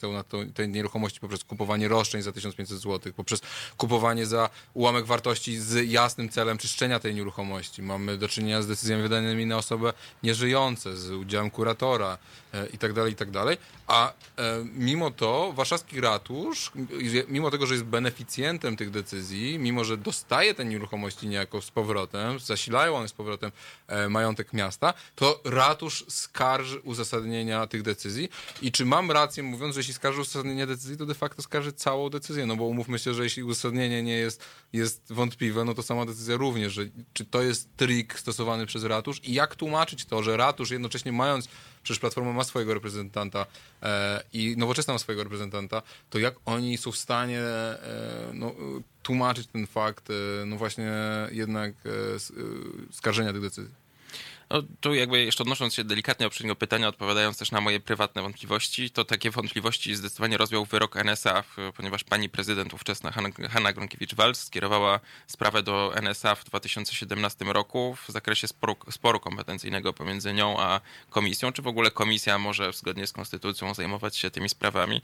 I NSA w dość szybkim tempie i to Czyli Naczelny Sąd Administracyjny. E, Mhm. to na długo przed reformami, które teraz są tak kontrowersyjne, czyli w, w starym dotychczasowym składzie, jednoznacznie rozstrzygnął, że komisja ma prawo e, prowadzić tak pracę, w- uchylać decyzje miasta, ma prawo wyzywać świadków. Potem orzecznictwo IWS-a i NSA potwierdziło m, nakładanie, legalność nakładania grzywny za nieobecność nieusp- nieusprawiedliwioną na e, przesłuchaniach komisji w przypadku wielu świadków. Tam sądy tylko co do wysokości tych grzywien miały swoje A uwagi. Hanna Gronkiewicz-Waltz y, nie dostała żadnej grzywny nigdy. Dostała, jeśli chodzi o nieobecność na e, posiedzeniu komisji, dostała No ale grzywny. jej i wyszła obroną ręką. I tu różnie, w zależności od tego, Od czy, czy, czy, sąd, czy sąd uznawał e, jej usprawiedliwienie za zasadne, czy nie, ponieważ często pani prezydent miała na przykład spotkanie prezydentów miast w Delhi w Indiach, albo jakąś ważną konferencję jako prezydent w Nowym Jorku. e, Aha, czyli ona nie, nie, nie tłumaczyła tego, że komisja jest nielegalna? Na tylko, początku, że... na A, początku tak tłumaczyła, to, to jakby nie wyszło, w związku z tym pani prezydent następnie znajdowała różne inne obowiązki jako prezydent, żeby nie stawiać się na posiedzeniach komisji. No i teraz dochodzimy do ciekawego wydarzenia, że po raz pierwszy po wyborach samorządowych, kiedy pani prezydent już nie jest panią prezydent, została pani prezydent ostatnio wezwana na kolejną rozprawę, która się odbędzie na przełomie lutego i marca, no i nie pełni żadnej funkcji. E, No i Ciekawe, teraz... jako teraz znajdzie wytłumaczenie. Ona, się, y, ona też jest świadkiem, świadkiem w mojej sprawie, którą mi wytoczył wiceprezydent Warszawy. Wojciechowicz? E, tak. I Ale też- to pan prezydent Wojciechowicz też został wezwany na tą sprawę na przełomie lutego I dwukrotnie pani prezydent dostarczała w ostatniej chwili y, usprawiedliwienia. Ale, y, no dobrze, ale wracając do tego, znaczy ratusz skarży decyzję, jakby I dla to są mnie to jakby- jest coś y, Myślę, że są dwa powody. no. Myślę, że Znaczy, są dwa powody. Pierwszy powód jest y, y, czysto praktyczny, to znaczy część tych uzasadnień, czy część rozstrzygnięć tych decyzji może być dalszą podstawą do wyciągania konsekwencji wobec urzędników y, miasta stołecznego Warszawy, którzy są odpowiedzialni za wydanie tych decyzji. Czyli jeżeli taka decyzja komisji uprawomocni się, to pośrednio może być pod, y, podstawą dla prokuratury do wszczęcia od- odpowiedniego postępowania i będzie istotnym argumentem w sprawie sądowej przeciwko konkretnym urzędnikom związanymi z, merytorycznie z tymi sprawami. Póki się te nasze decyzje nie uprawomocnią, to ten argument jest taki tymczasowy, czy, czy, czy nie jest do, do końca wypieczony, mówiąc językiem potocznym. W związku z tym ratusz y, prewencyjnie skarży wszystkie, że, wszystkie decyzje, żeby nie ułatwić tego postępowania sądowego wobec urzędników, którzy przyczynili się do wydania tych e, wzruszanych decyzji administracyjnych historycznych. A Czyli- drugi powód jest pewnie, tak jak e, ten wątek śledczy komisji, o którym mówiliśmy na początku, jest pewnie czysto polityczny, to znaczy zawsze, m, że tak powiem, nic nie robi lepiej wy, wyborczo partiom, środowiskom dużym, zwłaszcza partiom, niż e, ostry, dwubiegunowy spór. W związku z tym e, merytoryka temu ustępuje. A czy to nie jest trochę też tak, że oni się szykują do tego, żeby e, oddawać znowu nieruchomości, żeby znowu doszło do warszawskiej reprywatyzacji? Znaczy to jest, to jest tak gigantyczny majątek, e, to jest, e, takie są ogromne pieniądze w tym przecież, że aż trudno uwierzyć, że warszawski ratusz, który przez 10 lat rządów Hanny Gronkiewicz oddawał, proszę Państwa, kamienicę codziennie średnio mniej więcej, tak? E, Jak coś tam na te dni robocze rozdzieli. Czyli codziennie oddawano w Warszawie jedną nieruchomość i nagle wybuchła afera reprywatyzacyjna i bach! i nie ma żadnej nieruchomości. Przecież ta, ta, I oni w ogóle tak naprawdę nie wytłumaczyli nigdy, dlaczego przestali oddawać te nieruchomości, przestali wydawać decyzje, prawda? Znaczy, że... Nie, nigdy to nie zostało wytłumaczone. I to, to jest, wszystko to jest przedziwne. To jest jakby. Ja, ja mam wrażenie, że oni tylko czekają, aż e, będą mogli znowu e, oddawać prywatne ręce te, te działki. No, to, to już jest e- element y, no, wróżenia. Publicystyki. Publicystyki. No ale nie mam, y, nie mam e, podstaw się obawiać tego? Oczywiście no, mogę potwierdzić, że wśród zarówno środowiska lokatorskiego, i wśród y, środowiska obywatelskiego, które zajmuje się tą tematyką, ale też wśród, środowiska urzędniczego w, w, ratuszu, krąży plotka, że w lada moment, a ten lada moment ma nastąpić po wyborach prezydenckich, ruszą znowu zwroty w, w ramach reprywatyzacji, jeżeli nie będzie ustawy, która, która to zablokuje. W związku z tym taka pogłoska, plotka istnieje, ale no, trudno tutaj, że tak powiem, nie mam żadnych danych czy, czy instrumentów, żeby tą pogłoskę zweryfikować skutecznie. Na pewno jest tak, że pewne, delikatnie rzecz ujmując, e, liberalne podchodzenie do, do realizacji prawa e, wielokrotnie zwiększało efektywność tych zwrotów, taką liczebną statystykę. Bez dużej ustawy reprywatyzacyjnej pewnie kilka, kilkanaście, może kilkadziesiąt spraw rocznie musiało być rozstrzyganych pozytywnie na rzecz beneficjentów, ale raczej kilka, kilkanaście, a nie kilkaset. E, I to jest ta różnica z, wielu powodów, dlatego że dopiero w, kiedy wybuchła afera reprywatyzacyjna, miasto się obudziło, że istniało coś takiego jak kodeks Napoleona w momencie, w którym część ostatnich właścicieli umierała i że część... Kodeks Napoleona, który jest obowiązującym, rozumiem, w Polsce prawie od y, księstwa warszawskiego, tak? Oczywiście. Czyli 1807, Oczywiście. 9 rok. Oczywiście i do momentu... To trochę im czasu zajęło, że 180 lat, 100, y, 190, żeby się ogarnąć. To, to jest szczególnie rozbawiające. A jak- rządziła przecież Hanna Gronkiewicz-Walc, profesor prawa. No dla mnie to jest, to jest nieprawdopodobne, jak prawo, jak trzeba stosować to prawo wobec biednych, trzeba to wobec e, drobnych przedsiębiorców, wobec ludzi, którzy nie mają wpływów, to nagle to prawo jest bardzo surowe, bardzo silne, ale jak przychodzi do oceny osób, które mają pieniądze, mają zarabiać gigantyczne pieniądze, to nagle okazuje się, że to prawo jest absolutnie nie No, to jest- implikowane. To jest bardzo aplikowane. przykre. Był taki no, człowiek, który dużo pozyskał w ramach warszawskiej reprywatyzacji, pan Marek M., e, który, no, jego nazwisko jest również łączone z, na pewno z adresem, pod którym mieszkała Jolanta Brzeska e, spalona w lesie w Kabackim. Otóż pan Marek M. doczekał się w weryfikacji e, sądowej decyzji e, komisji odnośnie jednego, jednej z wielu jego nieruchomości w ramach reprywatyzacji przy ulicy Otwockiej w kwietniu 2019 roku i podczas weryfikacji tej decyzji sąd stwierdził, że e, reprywatyzacja na trupa, czyli na osobę zmarłą od wielu, wielu lat zmarłą, jest rzeczywiście naruszeniem prawa, ale nie rażącym naruszeniem prawa i nie należy odkręcać już tej historii, jakkolwiek wzruszać tego e, ciągu formalnego, który przysporzył de facto panu Markowi M. wielu milionów złotych na Pradze. E, I to jest historia z kwietnia 2019 roku i, dotyka niestety tego, co się dzieje e, w sądach. E, Będziemy o tym rozmawiać już po e, piosence Kazik Celiny. Halo Radio. Pierwsze radio z wizją.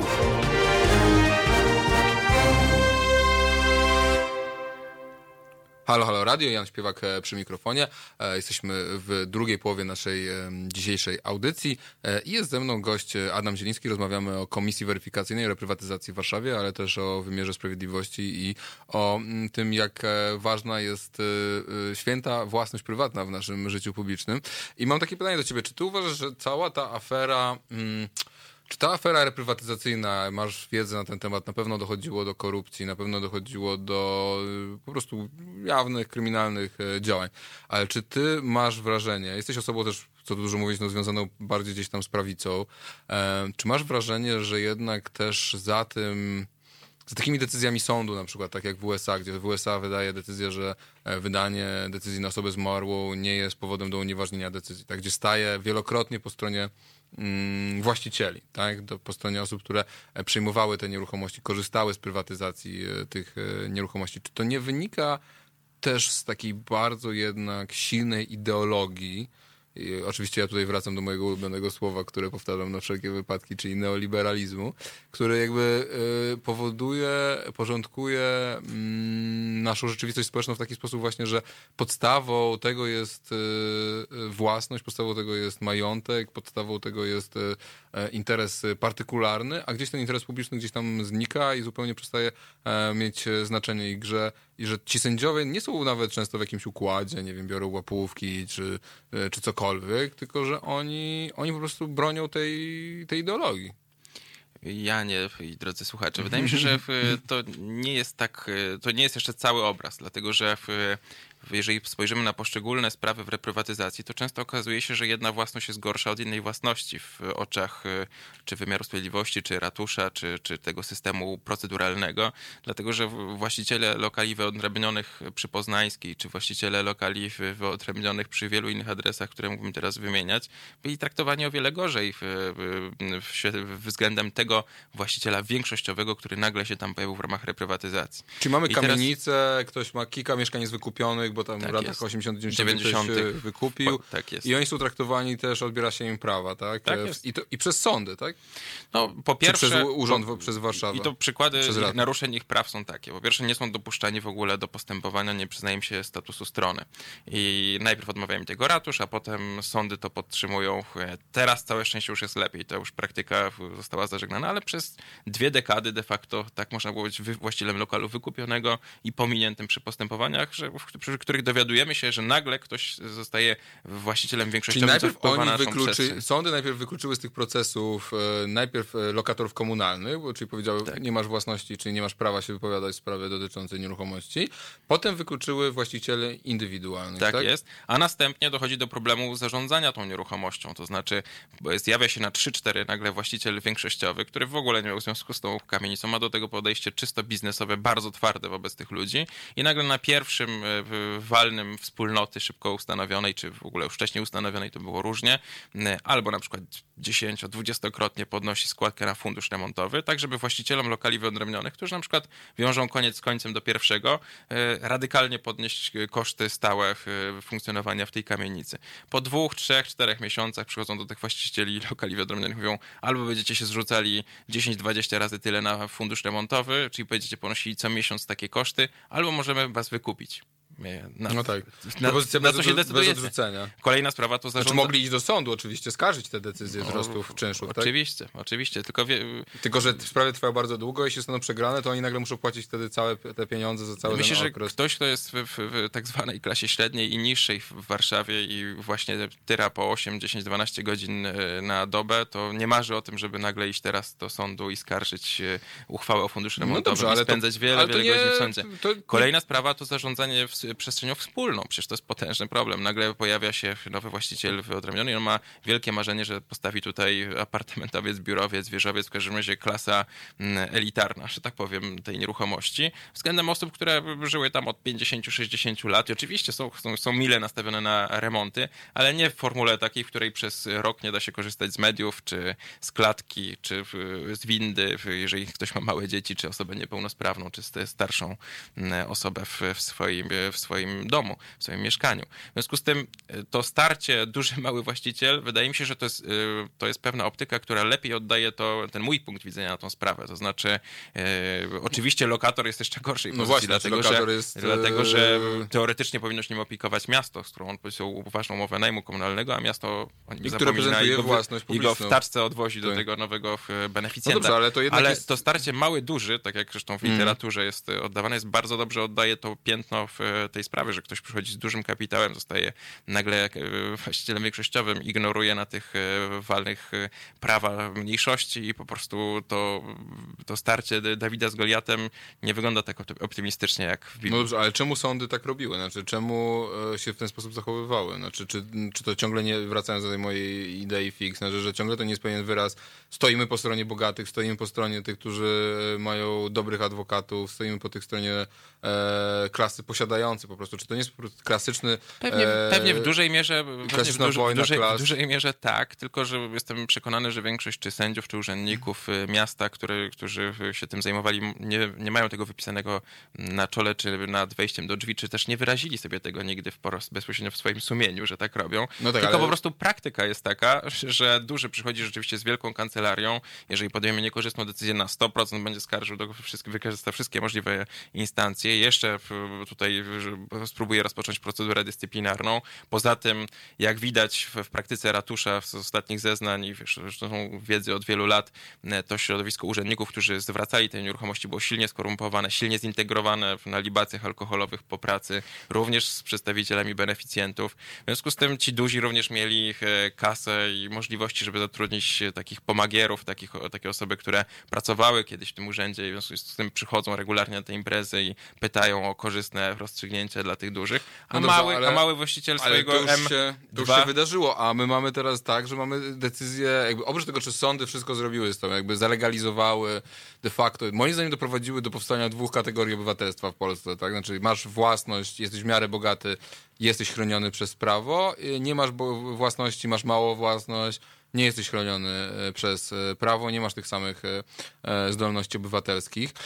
I robiły z rzeczy gorsze, tak, akceptowały kupno roszczeń za tysiąc złotych, tak, że można było wejść na podstawie, tak, sądy uważały, że można było wypłacać za to milionowe odszkodowania, przecież za podstawę ktoś, ten Ma- Marek M., o którym mówiłeś, kupił roszczenia do odszkodowania samego chyba za kolejne tam 500 czy 1000 złotych w na Bielaka i dostał prawie 2 miliony złotych, tak, i przeszło to przez dwie instancje sądowe, jakby i żaden sąd nie zaprotestował, że halo, halo, coś tu jest nie tak. Czyli mamy te kwestie tych właśnie tych e, postępowań, tak, gdzie odebierano głos.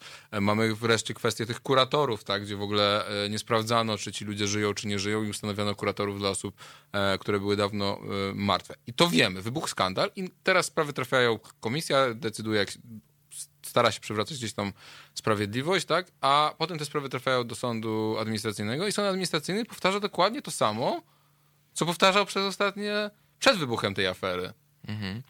No tu jakby Co tu się dzieje? jest, jakby chcę streścić tylko fakty, bez- nie dodając swoich tutaj publicystycznych test. E, Ale ja pierwsze- bardzo chętnie pie- posłucham tych publicystycznych testów Pier, również. pierwsze wyroki w USA dla komisji i dla decyzji, ile takiego interesu społecznego były bardzo korzystne. Pierwszych pięć wyroków, jeżeli dobrze pamiętam. I tam były sprawy rozpatrywane właśnie zwrot kamienicy przyłochowskiej na trupa, wiele innych tego typu przypadków w miarę oczywistych. Wyroki w USA były korzystne. I wtedy w kwietniu doszliśmy do tej sprawy przyotwockiej już wspomnianej pana Marka M., czyli człowieka bardzo profesjonalnie zaangażowanego w reprywatyzację. E, I nagle okazuje się, że ta wykładnia sądów, ta ocena rzeczywiście w sferze wartości, oceny zasad współżycia społecznego, oceny, co jest rażącym naruszeniem prawa, co jest po prostu naruszeniem prawa, nagle staje się bardzo liberalna na, na, rzecz, e, na rzecz pana Marka M. I od tego wyroku e, linia orzecznictwa się, że tak powiem, podkręciła, czy zmieniła z tą, z tym, z tą optyką na rzecz beneficjentów reprywatyzacji w Warszawie. E, Potem komisja też pojedyncze sprawy wygrywała, nawet w zeszłym tygodniu przy pięknej 49, ale rzeczywiście optyka sądu od e, sprawy pana Marka M. się Ale dobra, co się zmieniła. wydarzyło? Czy sądy teraz- po prostu się weszły już w ten spór polityczny i już decydują w sposób polityczny, czy, czy coś innego? Tutaj, a może sąd wie, że coś jest nie tak, ale nic nie może z tym zrobić, jestem naiwny. Ja właśnie ja mam podobne. Znaczy, co się wydarzyło? No bo ja, nie udawajmy... e, Ale znaczy, moim to jest- zdaniem sytuacja, w której sąd... Jeszcze jest inny wyrok, tak? e, Gdzie e, sąd administracyjny pisze wprost w jednej ze spraw, że nie będzie respektować zdania Trybunału Konstytucyjnego, tak? Bo mamy korzystny wyrok Trybunału Konstytucyjnego jeszcze spod e, władztwa pana sędziego Rzeplińskiego, czy jeszcze spod Tak. tego starego e, zarządu, e, gdzie jeszcze nikt nie ma wątpliwości do tego, że on jest legalny i wszystko jest e, tego. I mamy korzystny wyrok dla sprawy, dla lokatorów, dla interesu publicznego i Sąd Administracyjny Warszawski bierze ten wyrok i pisze eksplicite w uzasadnieniu, że on się nie będzie stosować do tego rozstrzygnięcia i on nie podziela zdania Trybunału Konstytucyjnego. Znaczy, co tu się dzieje? Na pewno jest tak, że w liberalne podejście do zasad współżycia społecznego kształtuje świadomość e, Czy jednak? sędziów. Na pewno Czy tak jednak jest. oni są przyciągnięci neoliberalną, kapitalistyczną ideologią, z zaproszeniem i biedę i, e, tak, i do tego się to sprowadza. Nie wiem- nie tak? wiem, czy dodałbym- Zawsze po stronie bogatych będziemy. Nieważne, Nie wiem, czy, czy dodał- są e, nie wiem, czy Marek, te Marek M jest kryminalistą, proszę Państwa. Jest osobą, która jest skazana prawomocnym wyrokiem. Możemy mówić o nim jako przestępcy i, e, i wobec niego Trybunał e, w USA stoi e, przeciw... Wobec niego za, zabiera głos Trybunał Konstytucyjny, nie, nie Trybunał Konstytucyjny, tylko w USA. Żeby, żeby stanąć przeciwko Trybunałowi Konstytucyjnemu, czyli woli sojusz z Markiem M, Warszawski Sąd Administracyjny, niż sojusz z Trybunałem Konstytucyjnym. No dla mnie Tylko tu jeszcze należy dodać kilka rzeczy. Znaczy, te, ten skręt, że tak powiem, na rzecz e, własności, ale takiej własności w rozumieniu bardzo specyficznej, czyli nie na rzecz tej małej własności, nastąpił już 20 lat temu w orzecznictwie, przy przesłance posiadania, czyli przy temacie, który poruszyłeś, mimo korzystnego wyroku Trybunału Konstytucyjnego. Przecież jeszcze w latach 90. sądy respektowały przesłankę posiadania przy rozpatrywaniu pojedynczych spraw w rażącej większości. Tak, chodzi o to, że nie można było złożyć wniosku reprywatyzacyjnego, jeśli się nie posiadało nieruchomości. Teraz sąd e, po wojnie, czyli jeśli się nie było fizycznie w Warszawie, a teraz sądy uważają, że w ogóle to nie było ważne. Ale Ale sen, sens tej przesłanki posiadania, tylko tłumacząc tutaj słuchaczom, był taki, zresztą tak samo było w, w innych dekretach w Europie Zachodniej przy odbudowie miast po, po wojnie, że jeżeli właściciel danego terenu był i opiekował się swoimi ruinami, to była spora szansa, że możemy wspólnie z nim lub on sam jednak coś tam zrobić na tej Tak. działce i to odbudować. Natomiast jeżeli się nie zajmuje, nie ma go w tym mieście, nie, nie posiada, nie korzysta z tej nieruchomości, no to po prostu musi wejść państwo, musi to wywłaszczyć, musi państwo to odbudować. Absolutnie sensowny I- postulat i racjonalna przesłanka. I tymczasem prawda? na początku lat 2000 nagle znika jakby z realizacji No, i w, ale- w ratuszu i w, w orzecznictwie. W związku z tym to jest pierwsza rzecz. Druga rzecz jest taka, to wycena tych nieruchomości, wycena zadłużenia nieruchomości. No, tych rzeczy są tysiące. Nagle, nagle jakby sądowni, orzecznictwo to pomija, w związku z tym pomija to ratusz. Trudno powiedzieć, co było pierwsze, czy ratusz, czy orzecznictwo, bo to spór od Ale to jest w ogóle, lat. tak rzadko jest o tym rozmowa, o sądach administracyjnych. Szanowni Państwo, to jak Polska jest brzydka i jak w ogóle została zabudowana po prostu ostatnie 15 lat, y, piękny nasz krajobraz został zabudowany jakimiś strasznymi rzeczami, to jest w dużej mierze, oprócz tego, że Leszek Miller uchwalił taką ustawę, y, która właściwie rozwaliła całe planowanie przestrzenne, to też jest efekt orzecznictwa znowu sądów administracyjnych, które zgadzają się na to, żeby decyzje budowlane były wydawane e, nie w oparciu o studium zagospodarowania przestrzennego, czyli taki wyznacznik tego, co gdzie powinno być, tylko wydzimi się urzędnika. Czyli znowu mamy taką sytuację, że masz własną działkę w Polsce, to możesz wybudować na niej co chcesz. I E, I to jest po prostu. E, ja bym chciał. Znaczy, dla mnie i tak to byłoby lepsze, gdyby to był wyraz tej ideologii, niż fakt po prostu, że oni wszyscy biorą łapówki i wszyscy są w układzie, bo to jest drugie wyjaśnienie, które do mnie przychodzi. Tak, no nie mam. Nie, nie rozumiem, jak bardzo trzeba e, patrzeć koślawo na, na rzeczywistość społeczną, żeby dochodzić do tego typu sku- e, no, to, no to wydaje mi się, że tu jest właściwe postawienie sprawy. Znaczy ta cała sprawa filozofii, narracji, wartości to jest tło. Tło, które istnieje od co najmniej 20 lat, ponieważ 20 lat temu zanika przesłanka posiadania, ale wiele innych elementów, takie z respektowaniem bardzo korzystnym dla drapieżnego wejścia kapitalistycznego, tak to nazwijmy. Natomiast przyczyna bezpośrednia to jednak jest e, układ personalny, dlatego że e, mamy wiele takich spraw z ostatnich 10 lat, że z tymi samymi dokumentami w ramach reprywatyzacji przychodzą osoby, które rzeczywiście były spadkobiercami ostatnich właścicieli i dostają odmowę na piśmie z, z ratusza, że nie zwrócimy tego adresu państwu. Następnie sprzedają po trzech miesiącach Robertowi N, Markowi M albo wielu innym tego typu nazwiskom już dzisiaj tylko z pierwszą literką i ci ludzie przychodzą z tymi samymi dokumencikami do tego samego urzędu, do tego samego urzędnika i nagle ten no urząd jest... mówi, bardzo proszę, wydajemy za miesiąc kamienicę, tak? No to jest oczywiste, tym... oczywista korupcja. No tylko pytanie jest takie, czy twoim zdaniem w tej korupcji brali też udział sędziowie. No. Bo czyli jeśli mamy, wiemy, że brali udział adwokaci, wiemy, że brali udział urzędnicy, notariusze, notariusze e, radcowie prawni, wysocy urzędnicy ratusza, to jasnym jest pytanie, czy też sędziowie brali łapówki. No i o prokuratorów jeszcze. No i prokuratorów, chociażby tego prokuratora, który uznał, że Jolanta Brzeska się sama, się spaliła. spaliła w Lesie Kabackim. No to jest pierwsze. Inne to prokuratorzy, którzy dostawali wiele różnych e, e, materiałów dotyczących przestępstw karnych wobec lokatorów. E, przeważnie bujek, ale wiele różnych innych dzieci, łącznie z zastraszaniem, biciem dzieci w kamienicach w Warszawie w XXI wieku i nie widzieli podstaw do wszczęcia postępowania. Tak? Przy tematyce sędziów, no to niestety jest trudny temat z wielu powodów, dlatego że jeżeli wiele spraw po prostu nie trafiało do etapu sądowego. Tak? To jest tego Oczywiście, trzeba Tak. Zarówno z, z, powodu urzędników, z powodu prokuratorów i z powodu notariuszy. Z powodu tych trzech kanałów, bo to jest kanał wstępny. Jeżeli zablokujemy te wszystkie kanały, to sprawy nie trafią do, do sądu. Ale drugi aspekt to jest ten aspekt e, korzystnego, delikatnie rzecz ujmując, korzystnego traktowania pewnych spraw, jak na przykład zwrotu kamienicy na osobę zmarłą. Czy druga rzecz jest tak, a jeszcze samorządowe kolegium odwoławcze, to jest w ogóle majsterszy, który, instytucja, która powinna wzruszać te niekorzystne e, decyzje, często z urzędu. I wiele stron, wiele podmiotów, może inaczej, pisało do samorządowego kolegium kolegium odwoławczych, po, po, wysyłając w załączniku dokumenty, dane, a SKO tym wszystkim ludziom odpisywało, nie mogą być państwo stroną w tym postępowaniu, w związku z tym SKO nie, w, nie wszczyna postępowania. A nie zaczyna z urzędu, bo nie wiadomo czemu. SKO to jest taki quasi sąd y, urzędniczy, ale y, mamy, y, mamy telefon, na który od, y, po, po, po, po, krótkiej piosence Iggy Pop, e, James y, Bond y, wrócimy do ostatniej części naszej rozmowy.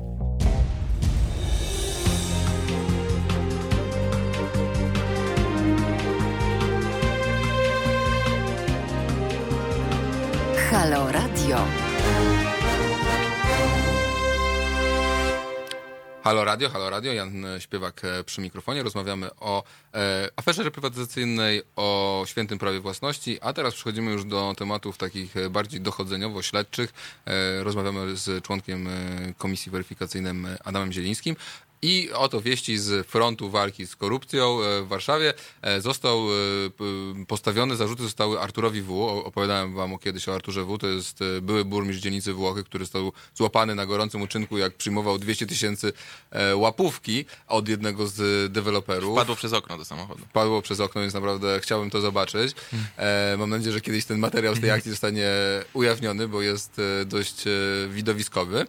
I prokuratura w zeszłym tygodniu postawiła zarzuty Arturowi W., który był wcześniej, zanim był burmistrzem dzielnicy Włochy, pracował w biurze odpowiedzialnym za reprywatyzację, a jeszcze wcześniej, czy w międzyczasie, był wiceburmistrzem w dzielnicy e, Wola, też duża dzielnica e, w Warszawie. E, został e, postawione mu zarzuty za reprywatyzację. I to jest pierwszy raz, kiedy e, faktycznie kwestie dotyczące własności, prze, przekształceń własności, prywatyzacji łączą się z tym, e, z komercjalizacją e, tej własności, no bo w mieście nie wystarczy odzyskać e, odzyskać, przejąć kawałek gruntu, musisz mieć jeszcze zgodę, żeby na tym kawałku gruntu wybudować odpowiednią działkę. E, I faktycznie możesz e, e, powiedzieć coś o, o roli Artura W. Wiem, że o, o nim też było głośno teraz na ostatnim posiedzeniu komisji, miał, miał to naciski. Króciutko musimy opowiedzieć kontekst. To znaczy, komisja ostatnio zajmowała się sprawą Liceum imienia Mikołaja Kopernika w Warszawie. To bardzo dobra szkoła i serdecznie pozdrawiam wszystkich Bemowo? absolwentów. Na Woli właśnie. Na Woli, o Boże, przepraszam. E, na Woli, ale przy ulicy Bema. W związku Okej, z tym może, dlatego. W związku z tym może się to tak To jest szkoła jedna z dwóch publicznych, której, w której można zdać maturę międzynarodową i rzeczywiście wielu absolwentów tej szkoły studiuje na Cambridge, na Oxford i w wielu prestiżowych uczelniach na świecie i to po prostu jest y, bardzo pozytywna wizytówka e, naszego miasta i to od wielu, wielu lat. To była pierwsza zresztą szkoła w, w Polsce, która wdrożyła taki system matury międzynarodowej i co się okazuje, że e, w 2012 roku Jakub R. zwraca część tej szkoły, część boiska, część infrastruktury szkolnej m, e, spółce prywatnej, de- deweloperskiej wprost. Ona jest beneficjentem decyzji Ale reprywatyzacyjnej. jak to oddaje boisko, część boiska po prostu? Oddaje? Całe boisko i, i fragment przy boisku, a następnie jeszcze w ogóle w decyzji jest przyznana służebność y, drogi, czyli bo do każdej działki, żeby tym bardziej postawić tam apartamentowiec, trzeba mieć drogę, w związku z tym, a okazuje się, że ta działka nie miałaby mieć drogi, w związku z tym Jakub R. wpisuje promesę y, bezpłatnej służebności przejazdu i przechodu albo przez teren szkoły, co w ogóle już by oznaczało koniecznością likwidacji szkoły, albo przez teren sąsiedniego ogródka jordanowskiego, jednych z pięciu w Warszawie, co by oznaczało likwidację tego ogródka Ale czyli czy oni oddają działkę jakby w środku jakby z innych działek? między szkołą a ogródkiem Daleko od jakiej Tak, drogi. publicznej. Ale za to w centrum bardzo ważnego miejsca dla e, młodzieży, bo boisko... Dla młodzieży albo dzieci, Dzieci. w kontekście ogródka jordanowskiego. I teraz, Znaczy jak e, on nie wziął łapówkę za to, to ja chyba nie wiem. I teraz jeszcze co. daje tą promesę tej służebności przejazdu nieodpłatnie. To jest właśnie bardzo ważne. Czyli w ogóle miasto, mając dwie działki, przez którą jedną z nich musiałby deweloper przejechać, Tak. budować apartamentowiec i mieć zyski, może bezpłatnie nagle sobie zrobić. Nieprawdopodobne. E, I w ogóle jest błąd formalny przy tym, bo w decyzjach takich administracyjnych nie ustanawia się służebności drogi, to jakby jest inny tryb poboczny wobec tego, to przeważnie nie sądowy. sąd wydaje taką... To finalnie powinno być przeprowadzone s- sądowo. Zdarza się też w formie umowy. 2012 rok, szanowni państwo, to nie tak dawno temu było. E, no i komisja się I zabrali zaj- to, zabrali to boisko, nie mogą tam, nie ma tam No, już zajęć? deweloper, tak? Nie ma już od 8 lat tam zajęć, od 8-9 lat. Oni mają jakieś inne boisko? Nie, nie mają, ćwiczą na korytarzu. I teraz e, nasi Wow. wspaniali absolwenci na Oksfordzie opowiadają o tym, jak w, w stolicy tutaj Polski Ale ćwiczy na korytarzu. na była jeszcze historia najlepszego gimnazjum w Warszawie, które zostało w równy sposób e, zamknięte. Chyba te najlepsze szkoły publiczne w tym mieście są na celowniku. e, Pluto No ja pamiętam, akurat do tego gimnazjum chodziłem i pamiętam e, dyrektora, który mówił na oficjalnych spotkaniach, że nic nie zna szczegółów, ale jest przekonany, że nacisk biznesowy będzie taki, że szkołę pewnie w ciągu 10 lat nie będzie z powodu wartości gruntu. Myślę, że po prostu te prestiżowe szkoły często były zlokalizowane w e, miejscach, do których dobrze jest dojechać w naszej aglomeracji. E, No, liceum to Hoffmanowej ma zostać zburzone siłą i rzeczy świetne wieżowce działki mają być e, na liceum Hoffmanowej, Więc prawda? wszystko pasuje do tej koncepcji. Hanna Gronkiewicz-Walc powiedziała podobno, jest to zeznanie jednego ze świadków, że w Śródmieściu nie ma sensu, żeby były szkoły publiczne. No, tego nie wiem, znaczy takie jest zeznanie dwóch świadków. Natomiast Wracając do natomiast wraca, boiska. wraca Artur W., bo, ponieważ jeden ze świadków, który był urzędnikiem i w ogóle sporządził projekt tej decyzji zwrotowej na rzecz dewelopera, powiedział, że na jednej z imprez alkoholowych w środowiskach e, BGN-u, środowiska tego urzędniczego, pan Artur W., który nie był już wcześniej pracownikiem e, tej jednostki czy urzędu miasta, przyszedł i dobrze się bawił i w stanie mocnego upojenia alkoholowego dopytywał o ten adres i o tę sprawę, prosząc o jak najszybsze załatwienie tej sprawy. No i została załatwiona. I została Szybko. załatwiona bardzo korzystnie dla, A e, dla co dzisiaj plan zabudowy mówi na, o tym? A i to jest kolejna sprawa i dlatego właśnie pani prezydent byłaby ciekawym, była prezydent byłaby ciekawym świadkiem, dlatego że do momentu reprywatyzacji od wielu lat w projekcie e, planu miejscowego zagospodarowania przestrzennego tam była wpisana funkcja oświatowa. No jak to boisko od wielu, wielu lat i szkoła. Natomiast Raczej naturalne, jeśli Raczej naturalne. Natomiast boisko w powinno być 2000 boiskiem. 2013 roku skreślono tam funkcję oświatową, wpisano mieszkaniową. E, Mimo e, oficjalnych Cudowne. dokumentów i wniosków o to, żeby dalej była podtrzymać tam funkcję oświatową, to oczywiście nie muszę mówić, jak wpłynęło na wycenę te- tego gruntu, a także dalsze perspektywy realizacji tam budowy, uzyskania drogi do tej budowy. E, I do dzisiaj nikt się nie przyznaje, kto e, skreślił tę funkcję oświatową. E, Wszyscy urzędnicy, którzy byli ostatnio przesłuchani, mówią, że byli za tym, żeby podtrzymać funkcję oświatową. Mało tego, burmistrzowie z rządzącej Platformy Obywatelskiej, ówczesna pani burmistrz, dzisiejszy pan burmistrz mówią, że oni zawsze byli za funkcją oświatową I E, składali zeznania takie? i składali takie zeznania. W związku z tym krąg osób, które mogłyby, które nie zeznały jeszcze na ten temat, to jest były pan wiceprezydent Wojciechowicz, była pani prezydent Hanna Gronkiewicz-Walc, były sekretarz miasta pan Marcin Wojdat, nie wiem czy nawet nieaktualny i to w zasadzie jest koniec, y, ewentualnie protokolant z tego spotkania, bo to był zespół koordynujący. Podczas tego spotkania e, podjęto taką decyzję o zmianie tego planu. E, Ale to jest e, nie pierwszy raz, kiedy przecież reprywatyzacja pociągała ze sobą skutki w zmianie planu. Co prawda nie tak widowiskowe jak tutaj, ale przecież przypomnijmy, że przecież na wokół Pałacu Kultury miały powstać e, wieżowce, akurat na tych działkach, które były objęte roszczeniami, prawda?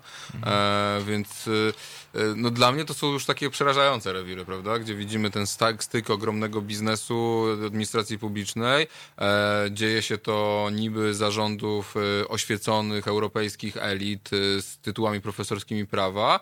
Prawo jest de facto zawieszone w stolicy, tak? Znaczy nie ma, nie ma właściwie nie są respektowane wyroki Trybunału Konstytucyjnego, sądy administracyjne robią co chcą. E, no mamy takie trochę sytuację e, stanu wyjątkowego. Co dalej? E, mała lewica miała złożyć projekt ustawy reprywatyzacyjnej. Rozumiem, że dopóki tej ustawy nie będzie, to e, ta sprawa będzie ciągle na, na, na pasku, znaczy na, na, na, na, na ostrzu noża. Tak jest. E, I co ty uważasz, dlaczego tej ustawy nie ma? Dlaczego PiS jej nie chce uchwalić? Mam ostatnie dwie minuty, więc niestety długiej wypowiedzi nie mogę ci tutaj zoferować, ale jakbyś powiedział właśnie, czemu, czemu tej ustawy ciągle nie ma? Znaczy, patrząc od wewnątrz, ale nie od wewnątrz absolutnie nie PiSu, ani nie KPRM, ale patrząc od wewnątrz tematu reprywatyzacji, to był taki moment, gdzie wydawało się, że rzeczywiście jest wola y, do tego, żeby tą dużą ustawę co najmniej procedować w Sejmie. Ten projekt był gotowy, był dosłownie konsultowany ze wszystkimi, którzy byli chętni do tego, żeby konsultować. Sam miałem wiele uwag krytycznych, no ale absolutnie jestem zdania, że powinien jakby wjechać na tapetę. Y, I wydaje się, że przyczyny dyplomatyczne zablokowały ten projekt. Rzeczywiście spór wokół tego, komu. Komu e, państwo polskie ma zapłacić i ile, e, jak się odnieść do dawnej indemnizacji, czyli przede wszystkim do tematu Stanów Zjednoczonych, tematów Izraela. E, Ten projekt zaserwowany przez, w dużej mierze napisany na pewno przez profesora Zaladkiewicza, bo on go prezentował, był takim projektem no, odcinającym te tematy zagraniczne, to znaczy, że tylko ktoś, kto ma obywatelstwo polskie jest, ma tą formę No zadośćuczynienia. tak, to się nie, nie ostanie. I to taki- się taki nie ostało. I wydaje się, że po takim potraktowaniu ostrym tego z czerwoną kartką, po prostu temat został całkowicie zrzucony za linię mm, rozważanych projektów i tyle. E, I to jest oczywiście bardzo smutne, bardzo złe. E, i Może jakimś, jakąś metodą, nadzieją byłoby to, żeby nie przyjmować jednej wielkiej, dużej ustawy reprywatyzacyjnej, tylko żeby pociąć temat na kawałki I chociaż Warszawę chociażby załatwić albo Warszawę, albo nawet przyjąć regulację dotyczącą zakazu zwrotów w naturze. Więc e, tym smutnym akcentem e, kończyliśmy też rozmowę z Przemkiem Witkowskim, że nasze elity są e, tak nieodpowiedzialne i tak myślą tylko o sobie i tak myślą w sposób krótkoterminowy, że nawet e, dwule, co, na- najazdy tatarskie, które odbywały się co dwa, trzy lata dosłownie z taką regularnością, nawet ich do tego nie zmusiło, żeby powołać e, powdatki, armię, zbudować twierdzę, wola, wrzucali to w koszty. I mam wrażenie, że e, z reprywatyzacją jest e, bardzo podobnie. Nie tylko, że korzystali koledzy tych polityków, ale faktycznie, że jest to problem, który e, można gdzieś odepchnąć, zepchnąć na, na drugą, na dalszy plan i, i, i liczyć, że sam się rozwiąże. E, Sam się nie rozwiąże, ktoś e, cenę za e, tej brak ustawy m, będzie płacić, a my będziemy pewno informować, co dalej, bo e, wydaje się, że to afera nieruchomościowa, bo tak chyba ją trzeba zacząć nazywać, a nie, nie tylko reprywatyzacyjna w stolicy, jeszcze będzie się dalej rozwijać. Bardzo Państwu dziękuję za te dwie godziny e, spotkania. Dziękuję Bardzo e, dziękuję. Adamowi e, i my słyszymy się za tydzień.